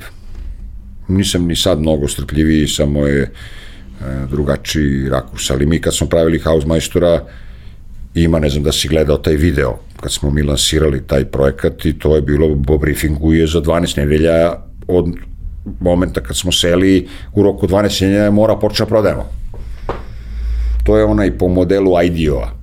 Znači, to je onaj deep dive, tad je to bilo mi danas to svi znaju i danas je po tome nastoji design thinking, ali u vreme kad smo mi to radili, ja sam dobio na CD-u snimak tog uh, videa ovaj, iz IDO-a i gledao kao čuo ga pod jastukom kao neko najveće blago, kao neki najtajniji know-how koji čovjek možda ima u kreiranju biznisa. Uh, pa ta, sa školom je bilo slično možda čak još površnije. Jer ako smo ga ovde bili previše metodično i projektno razvili, bio je umeđu vremenu jedan projekat koji se zove Budi svoj čovjek, koji je bio da uči ljude da započnu svoje biznise, koji smo isto metodično jako lepo uradili i pedantno i a, puno ljudi je na tome radilo i, i imalo je to i neku svoju poznatost, monetizaciju onako traljavo, niti je to postalo javno dobro, to je na kraju postalo javno dobro tako što sam ja to stavio na open source i rekao, evo kogo doće, evo vam priručnik, učite i gledajte, skidajte fore, pa nastavite vi dalje. Ovaj, e, a škola je bila super, nema poslovnu školu dobro, onda da vidimo šta bi to moglo da bude, od čega da se krene, kako da se definiše ime, tu sam se bio posveđao sa svojim drugom koji je radio u Coca-Coli, jer mi on predlagao neka imena, a na kraju, kad sam ja testirao različita imena koja bi mogla budu, a testirao sam ih sve, skrat, sve suprotno od onog što sam učio u multinacionalkama. A, valjda sam bio zasićen od svega toga, od, od tog prevelikog mišljenja. Diznao imena, pokupio sve u kancelariju, uključuju i ženu koja je čistačica bila, koja je dolazila da čisti, onda sam im rekao ime ovo, ime ovo, ime ovo, šta nam se najviše sviđa i većina je rekla najviše se sviđa Mokrogorska škola. A, I onda mi je rekao, ti nisi normalan, ja se ovde ubi, ja sam ti drug, o, ti ćeš da veruješ šta će da ti kaže čistačica. A, I mala pojednostavljenje, ali a, Mokrogorska škola je koncept isto, metafora da možemo mi da imamo našu poslovnu školu, da naša priroda a, tradicija, pamet, a, takođe ima neku vrednost, da to ne treba pocenjujemo, da to može jako lepo se poveže š, e, nešto što mi imamo prirodno u sebi sa nečim šta su veštine a, otklon od generike, od toga da mi sad treba da naučimo, aha, sve što je videla žaba da se konj potkiva pa bi ona, znači sve što vidimo da je zap, sa zapada je sve dobro, to je neka, znaš, opet treba se stavimo u kontekst pre 10 godina, kad je mnogo više bilo to, kad su svi razmišljali, znaš, ono, 2009. 10. i ranije je bilo, vidi koji god da će dođe kreten sa bilo čim, neko im sad vidi šta je genijalan, čim priča na engleskom, on je pametan, ludilo mozga. Tako da to je sve satkano u stvari u, u školi. Ona je nastala tako što sam ja rekao, evo ga, ovo je logo, Uh, i ajmo da se napravi brzo sajt sa nekoliko programa za management i izdiktirao to i znam da su moje dve koleginice koje su tu radile on je rekao, ovaj nam je rekao da moramo do večeras da izbacimo sajt, sam rekao, kaže da, i on je rekao tog i tog dana i to mora, i onda je to izašlo na sajt, a kaže, a mi smo posle celu noć ispravljali greške koje su bile tekstualne, samo da bi one zadovoljile s jedne strane tu ideju moju da to mora bude danas u 6 sati ko da mora bude, i, ali onda one imaju savez da kažu čekaj se mora popravljamo greške, jer to je, imam ja tu brzinu a, preduzetničku u sebi i to je krenulo jedno empirijski, jedno vodi ka drugom. Ja sam puno tih škola bio, imao prilike da posetim po inostranstvu i da se školujem i onda mi je lako bilo da napravim tu matricu. Rezidual je da je nenormalno koliko je ono bilo loše vreme za nas za pokretanje poslovne škole 2009. I nije bilo dobro vreme za preduzetnički poduhvat i nije dobro vreme bilo da se to radi 4 sata od Beograda i nije bilo dobro da ima bilo kakav kontekst sa nekom domaćom pameti, toliko je danas sve suprotno. A vi ste već established. Da, znači danas već ima svest o tome da vidi, već su bili stranci i pričali, znamo šta mogu, zna, postoji fenomenalna prva liga, sve super, ali taj gap se smanjio. Nije to više kao I da mi se... vrlo redko dovodimo prvu ligu. Ma ne, ali ne može, ali smanjio se gap. Nema taj gap koji je postojao pre 20 godina. Imaš i mnogo naših ljudi koji su dobili prilike da studiraju neke ozbiljne I- fakultete tačno. i da rade neke ozbiljne poslove. Tačno, I tačno. kada njega dovedeš da ti priča ili nju, on razume, oni razumeju i kontekst, Tako je, a daju ti i upravo to što ti treba. tako je, apsolutno. Ja sam I- to baš u, u, raznim nekim situacijama gde ono, znaš, prosto mnogo stručnih događaja koje smo pravili, neki koji su i, i, i bile koncipirani tako da uh, ok, primarno privuku publiku, ali moraš da im daš vrednost, praviš da bi dao vrednost. Um, vrlo često se tu recimo desi to onaj problem koji, koji naši ljudi imaju da uh, budu izneverena očekivanja zato što osoba koja je izašla nije rok zvezda na sceni Tačno. Ali to što je ispričala je zlato. Samo nije ispričano na najdinamičniji, najzanimljiviji Tačno, način. tačno, tačno, ja kao, ljudi, jel vi slušate sadržaj ili gledate kako ko nastupa? Ako je samo stvar u tome da dobro nastupa, dovešćemo ljude koji super nastupaju i vi ćete izaći srećni i nećete naučiti ništa. Ovde si imao pet stvari za koje si mogao da se uhvatiš da ti promene život, da ne možeš da spavaš narednih dve nedelje. Mm. Ali kod nas malo postoji, Postoji. i dalje problem I ja gledam, znaš, mi smo našli da to na neki način pomirimo e, kroz profil predavača, obuku predavača i pripremu tih tema. Znaš, ipak je to što mi radimo sa odraslima. Radiš sa odraslima koji imaju viši stepen adrenalina i samopouzdanja jer su već nešto postigli u životu, koliko god da je lepo da imaju želju za a, za učenjem, da radom na sebi, toliko imaju i taj osjećaj da u stvari teže ih je malo zadovoljiti. Znaš, to je već, svi, znaš, nisu ljudi koji ne znaju, nego i tu je druga, mora da bude, mora da bude jedno i drugo. Znači, ja moram da uračunam da tebe moram da zainteresujem. A, jer ako te ne zainteresujem, ja sam izgubio. A i ti si izgubio. Ali ja kao vaspitač sam izgubio više, jer ja tebi pružam neku obrazovnu uslugu. Pritom, e, vrlo je specifično kada pričamo o, o ovom konceptu poslovne škole, što to nije obavezna stvar. Tu dolaziš zato što želiš da naučiš nešto novo. tačno. Nije da moraš to da slušaš jer treba da ispuniš neku Pa to je nestvarno no, velika razlika.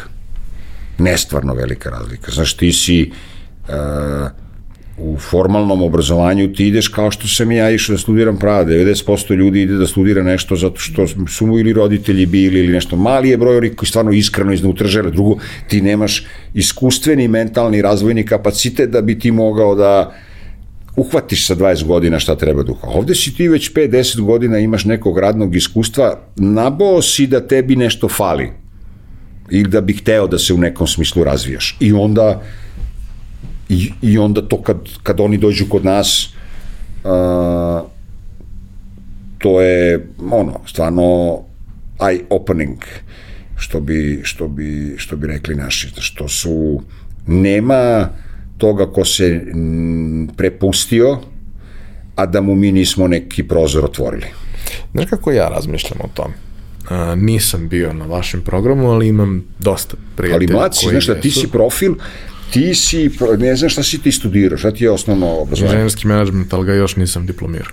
Pa ti, si, ti bi bio kod nas profil ili bi bio MBA e, studija ili bi bio ili bi bio profil boljeg biznisa, nešto ta dva. A pritom si preduzetnik. To i jeste nešto što sam gledao i svi ljudi sa kojima sam pričao, prijatelji, koji su do duše uglavnom bili iz nekog korporativnog sveta, ali svi koje vuče da iz tog korporativnog sveta odu u nešto svoje, najčešće. Uh, svi su bili jako zadovoljni i ono što, što sam ja negde izvukao kao zajednički feedback od svih njih je sa jedne strane da, oni su želeli da idu tamo, u nekim slučajevima dobili su podršku svog kolektiva, Tačno. u nekim slučajevima nisu, u nekim slučajevima je to bila njihova investicija da. i njihovi slobodni dani. Nekad je firma, nekad zavisi.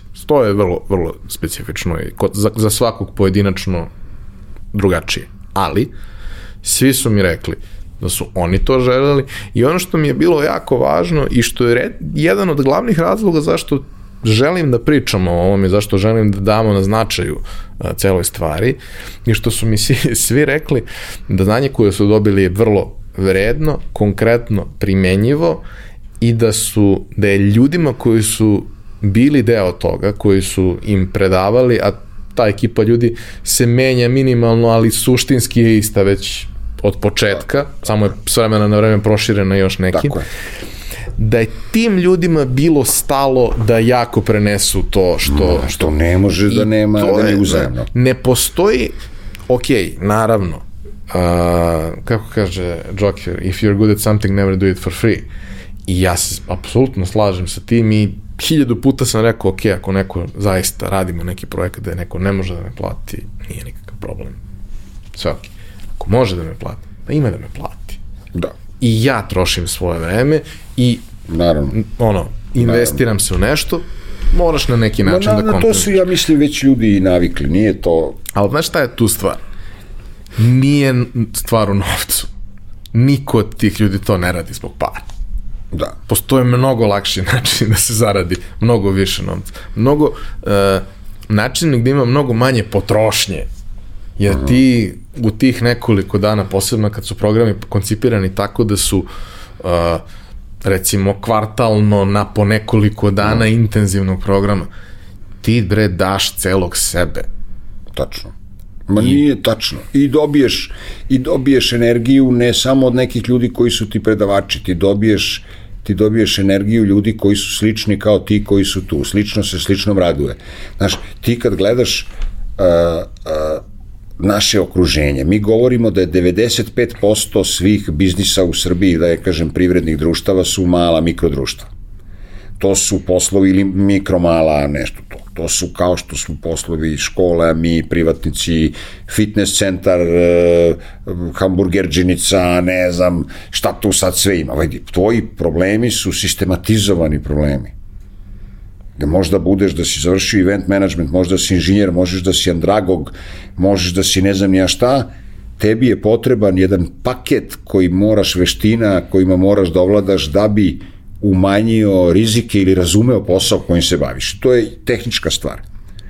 Inspiraciona stvar je da se ti na svoj posao, da ga više zavoliš i da se u njega više zaljubiš zato što ćeš sresti imati nekog iskusno koji će biti pred, pred, predavač sa entuzijazmom. Ako ja se posvetim nekom svom uh, mlađem kolegi koji ima neki svoj biznis i hoću s njim, s njim da razgovaram kao deo programa o tome kako on svoj posao da unapredi, pa teško da može da ga to ne motiviše ako je već svojom voljom došao. Može samo da mu bude čast ali ni to čak nije kraj, nego ti onda imaš neku ekipu koji, s kojima počinješ sad, aha, a vi radite ovo u Novom Sadu, a ovi rade ovde u Subotici, a mi smo ovde u Beogradu i ti sad vidiš da počne da živi neki, kako je to jako popularno, da se sad, kako se to zove, eko, Ekosistem. Ekosistem. Znači ti sad imaš neki ekosistem neke generacije koja rade šljaka. Ja sad evo mi imamo to sledeće, sledeće nedelje gore Vidi, prvo, nikad nam se nije desilo da smo imali veći broj prijavljenih kandidata.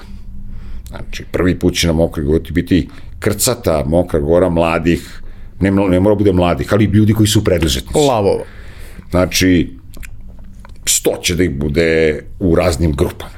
E, to će već da bude uzbuđenje samo po sebi. Drugo, ti će ljudi da jedni druge gledaju šta ko radi, šta od koga može da uči. Oni ulaze u neku avanturu gde će se neko njima sledeće tri godine baviti polako, da to nije ništa, nabio sam ti u dva semestra, moraš da mi doneseš bod, da ti dam ispit, da si mi uradio ovo, ne moraš ništa.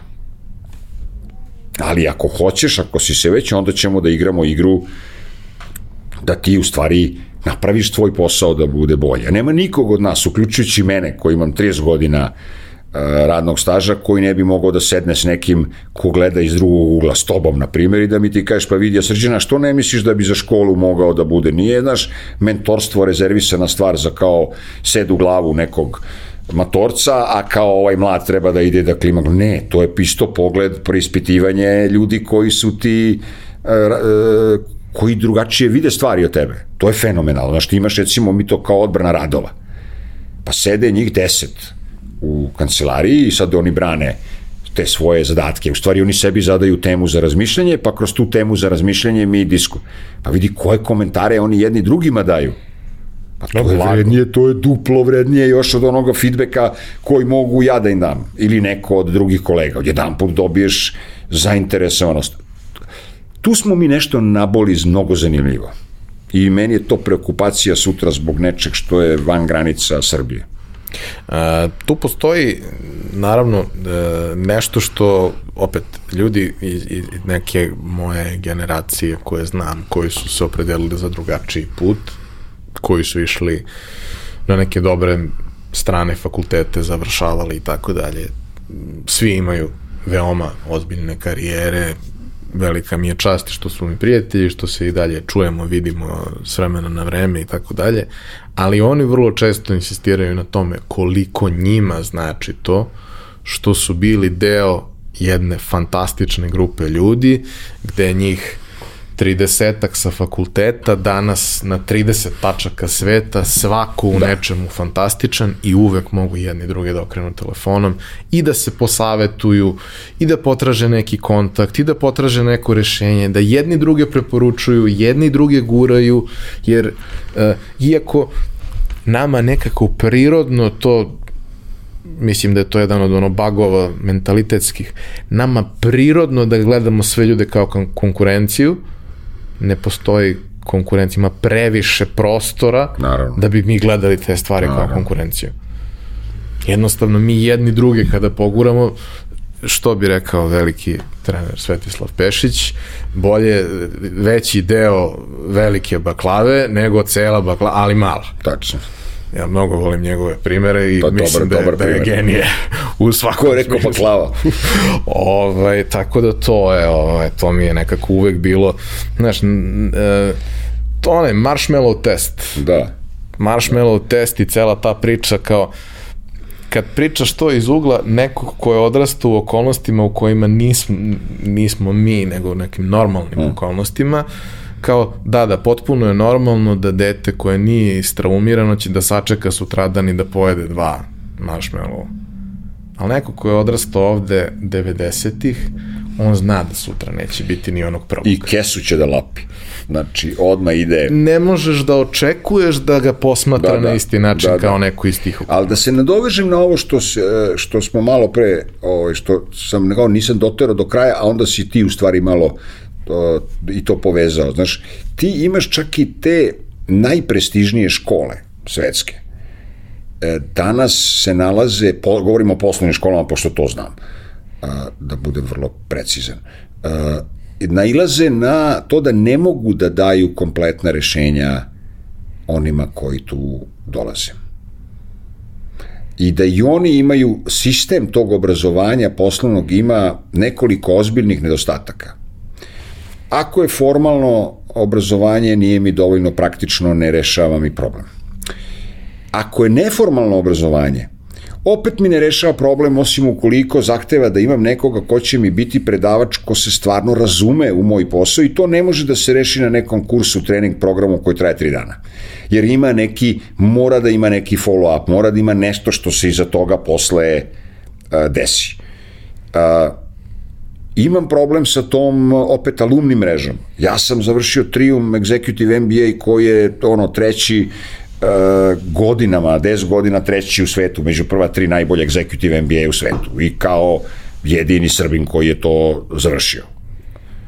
Vidiš, šta meni znači network? Divan mi je, imam, imamo sve te grupe, Bangladeš, ovi gore, ono, Šri Lanka, Burma, Amerika, Kanada, super da sam ja ostao Stewart u jastu pa da putujem i da obilazim svet, ali vidi moja teritorija, ja radim, živim ovde. Ti si meni važniji 15 puta i ja tebi nego što će meni ja da bude vlasnik juvelirnice iz Pariza. Mislim, super je za samopouzdanje i za ego i da lajkujem njegove slike na fejsu i on moje, ali vidi, interakcija našeg suživota je ovde. E, ne radi se dovoljno ni na međunarodnim alumnim mrežama na taj način. Znači, alumni mreža je meni treba u mom selu.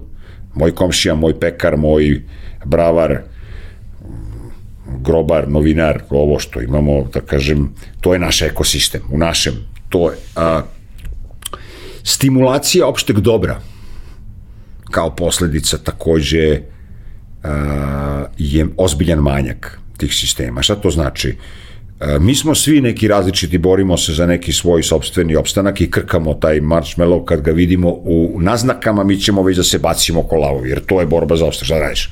Takva nam je, kad budemo siti, nećemo za tim imati potrebu. Ali, javlja se polako kod ljudi potreba i za nečim što je neki zajedničko opšte dobro.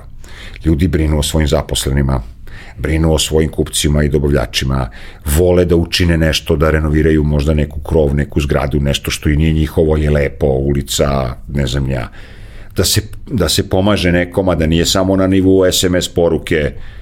Uh, to, to je uloga uh, škole. Ja tako vidim ulogu ovoga što mi radimo. Uh, i svi ljudi, nije slučajno, znaš, ti si više puta i bio gore i video si, to je stvarno, nikog mi ni našta ne prisiljavamo, to je neka mreža koji sam se neko prepoznao i nama sami nude, ljudi pi šta, ili vam treba, šta možemo, jel treba nešto što mi možemo, e to je virus koji mi hoćemo da, da zapatimo i da mi u stvari budemo unutra neka platforma uh, kvalitetna, pouzdana i poštena, a da se onda posle to sad ide nekim svojim uh, prirodnim putem. I neko će da kaže vidi ja sam zahvaljujući njima unapredio biznis ili možda nije mi biznis propao ili možda lansirao sam novi biznis. Studenti naši će možda zajednički lansirati neke biznise gde ćemo mi da budemo od neke koristi. Ima ideja da napravimo uh, venture fund. Ima ozbiljna radna ideja da napravimo taj takozvani Vivaldi forum za a, finansiranje preduzetničkih ideja i čak su nam ono se javili neki ljudi posle prolećnog foruma da kažu vidi evo mi ćemo da zainteres ima a, a, mnogo je naša sredina zanimljivija kad neko uđe unutra u mikro znaš makro je glavobolja makro i dosadno a na mikro svašta možemo zajedno. Svašta nešto zanimljivo ima na mikro. Meni, ja vidim taj problem uh, rasta mikro u nešto dalje.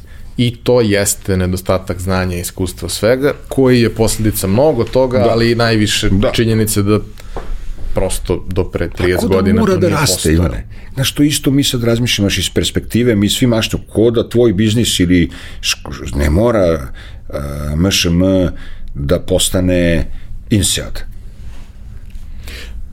Ili...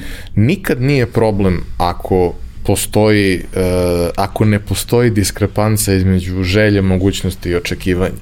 Problem je kad ti želiš da to bude veće, bolje, uh, još veći je problem ako misliš da zaslužuješ to, a objektivno nemaš znanja i nemaš kvaliteta Tačno. za to. Kod naših ljudi se to dešava često. Meni je svaka porodična biznis priča, a znam ih baš mnogo, koja je na nivou, mi smo napravili nešto što je nama lepo, mi ne želimo da to bude mnogo veće, mi ne želimo da to mnogo menjamo, to je savršeno. Mi želimo da, zašto ne želimo? Ne možemo da iskontrolišemo kvalitet, ne možemo da, ne možemo, ne želimo veći stres. Ovo je nama super. Ili to? Super. Ono, zadrži se onda na tome. Da. Problem je naravno taj moment kad postoji potreba, želja da se, da se poraste, da, a ne postoje kapaciteti mm. za tako nešto. I mislim da je zbog toga uh, i naravno uh, kroz razne fakultete postojanje studijskih programa koji se bave tako nekim temama, ali oni najčešće vrlo nisu uh, primenjivi i životni i konkretni, ali pre svega kroz, kroz postojanje uh, celog ekosistema koji je oko makrogorske škole, što je kroz, što je dakle, specializovani kursevi, a, obimni, obimni treninzi, specifični treninzi i ceo veliki program studija, a, plus ovi događaje koji se dešavaju kvartalno za svaki, za svoju publiku. Uh, mislim da je to jedna ono, zaokružena priča koja predstavlja jako zdravu osnovu za, za taj potencijalni procvat koji može da se desi, jer ja uvek kada pričamo, ja dolazim iz IT-a, meni su sve IT priče bliske, ja sve te ljude znam 20 godina unazad.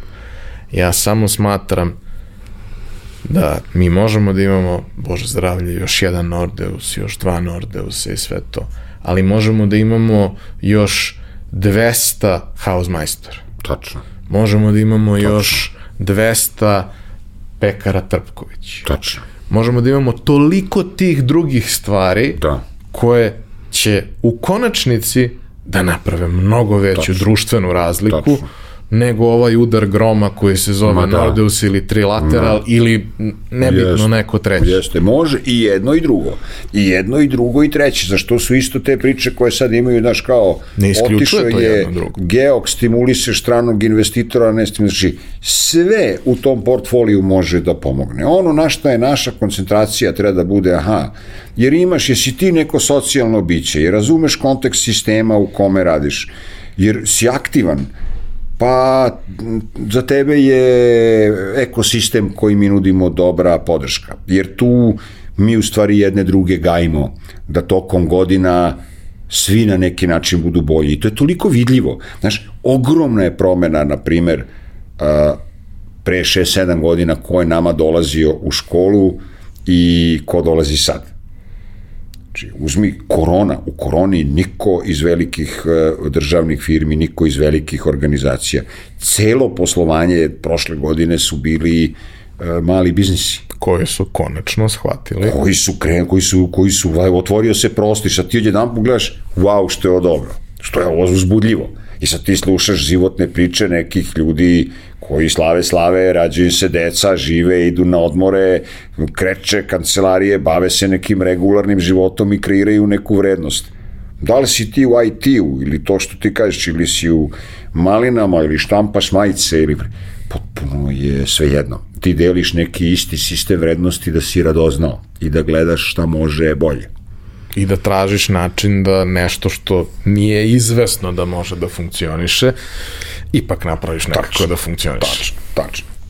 E, voleo bih, ako možeš to da uradiš ti, pošto mislim da ćeš to uraditi svakako mnogo bolje od mene, jer je iz tvoje glave izašlo, um, da kažeš šta postoji, ja sam to ako ugrubo rekao, ali uh, šta postoji u okviru škole i kome je šta namenjeno u nekom za koga je zamišljeno mm. šta od programa? Pa ide da ne pravimo sad neku, što bi rekli, propagandu, nego više da imamo neku informativu.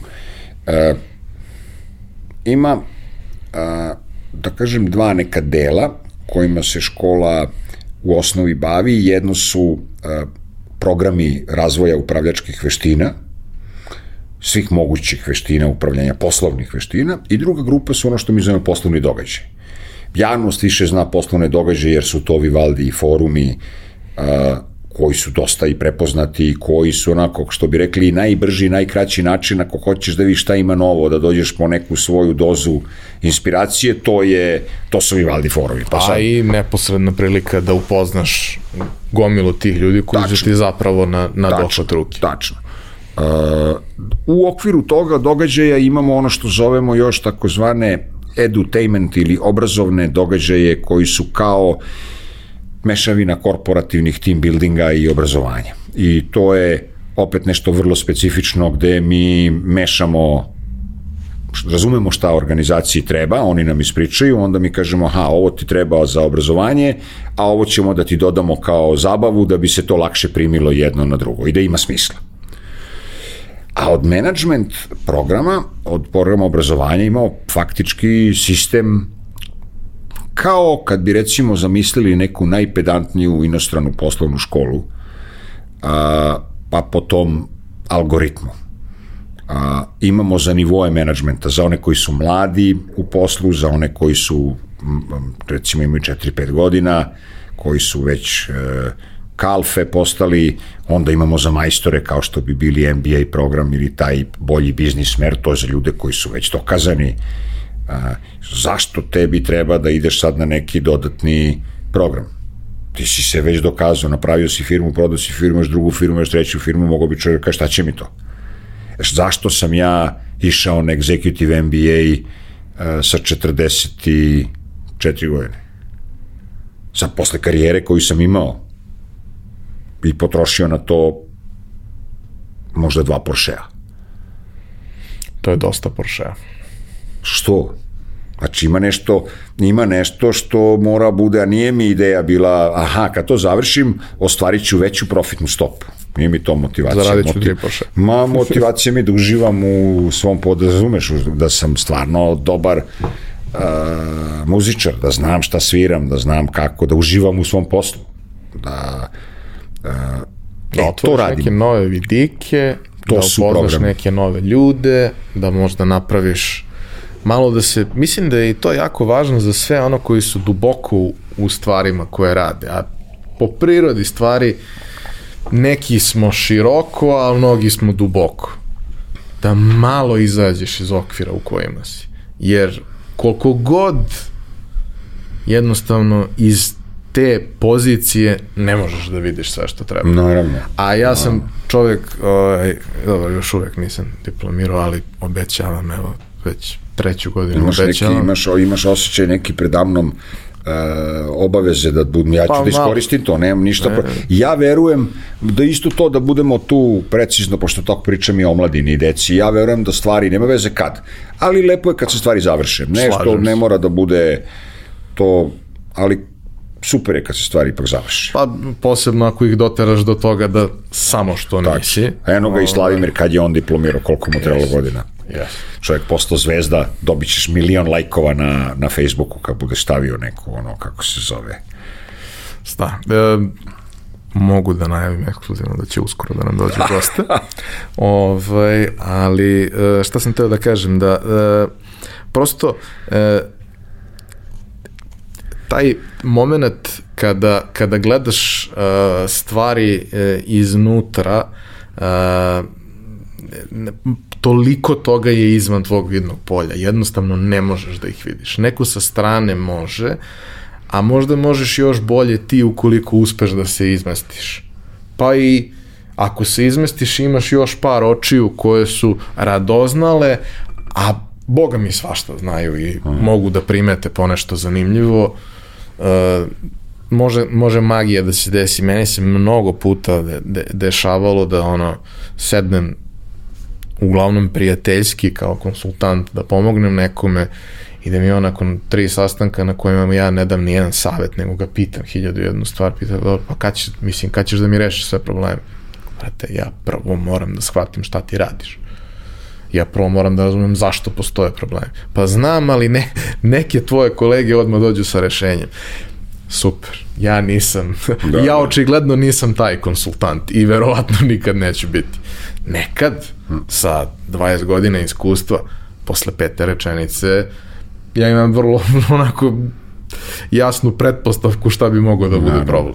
Naravno. Ali ima situacije gde je to nešto što je toliko duboko, što je toliko malo, posebno ako je nešto jako dobro, samo malo mu fali da bude fantastično. Naći to malo. Pa to je sve.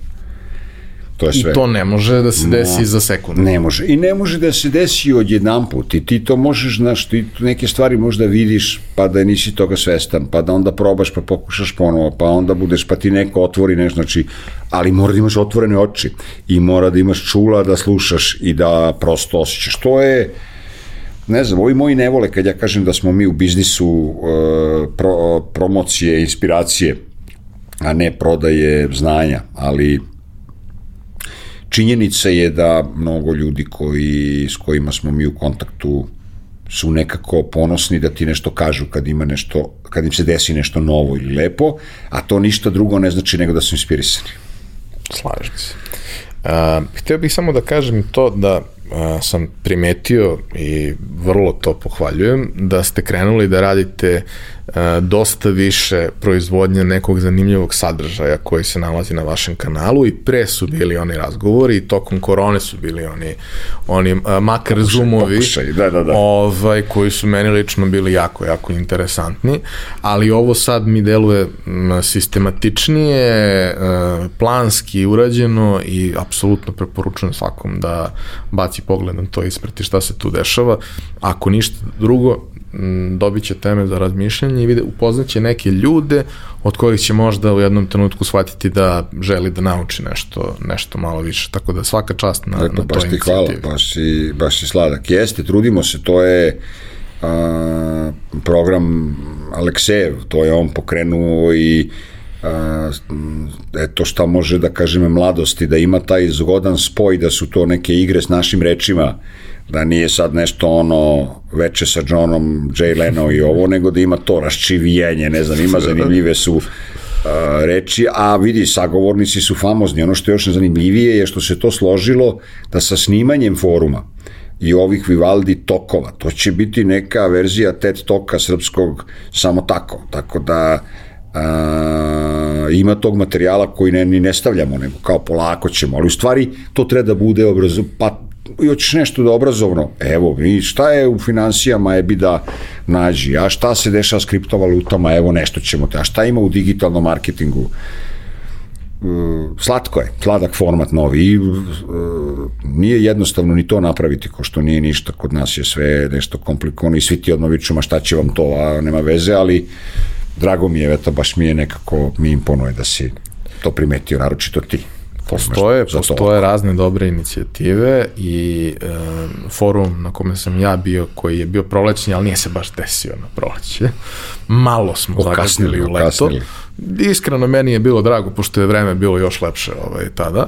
Ovaj, je bio wow A i ovi do sad su bili jako dobri. Da. Ali ovo je zaista bilo level up. Vidi, uključujemo te Ivane da nam pomogneš za sledeću godinu za VAU plus, jer to nije, to sad mora bude, ne, nećemo sigurno stanemo na VAU. Mora da idemo VAU nešto. Dobro, tu sam ja za, za sve što treba, pričat ćemo. Ovaj, hvala ti što si podelio sve ove priče i što si nam dao neke teme za razmišljanje i što si napravio neke fantastične stvari. Neke stvari si napravio fantastične za sebe, ali mnogo stvari si napravio i za nas ostale, što, što nisi morao, pa baš zato ti hvala na tome. A, hvala vama što ste nas slušali i gledali koji svake nedelje, iako meni i dalje nije jasno zašto. Ovaj, hvala našim prijateljima iz kompanije Epson koji nas podržavaju u realizaciji podcasta. Sve predloge, sugestije, pitanja, komentare napišite na, na YouTube-u u komentarima i ja ću se potruditi da sve što je za mene odgovorim ja, sve što je za srđene odgovori on. To bi bilo to. Vidimo se sledeće nedelje.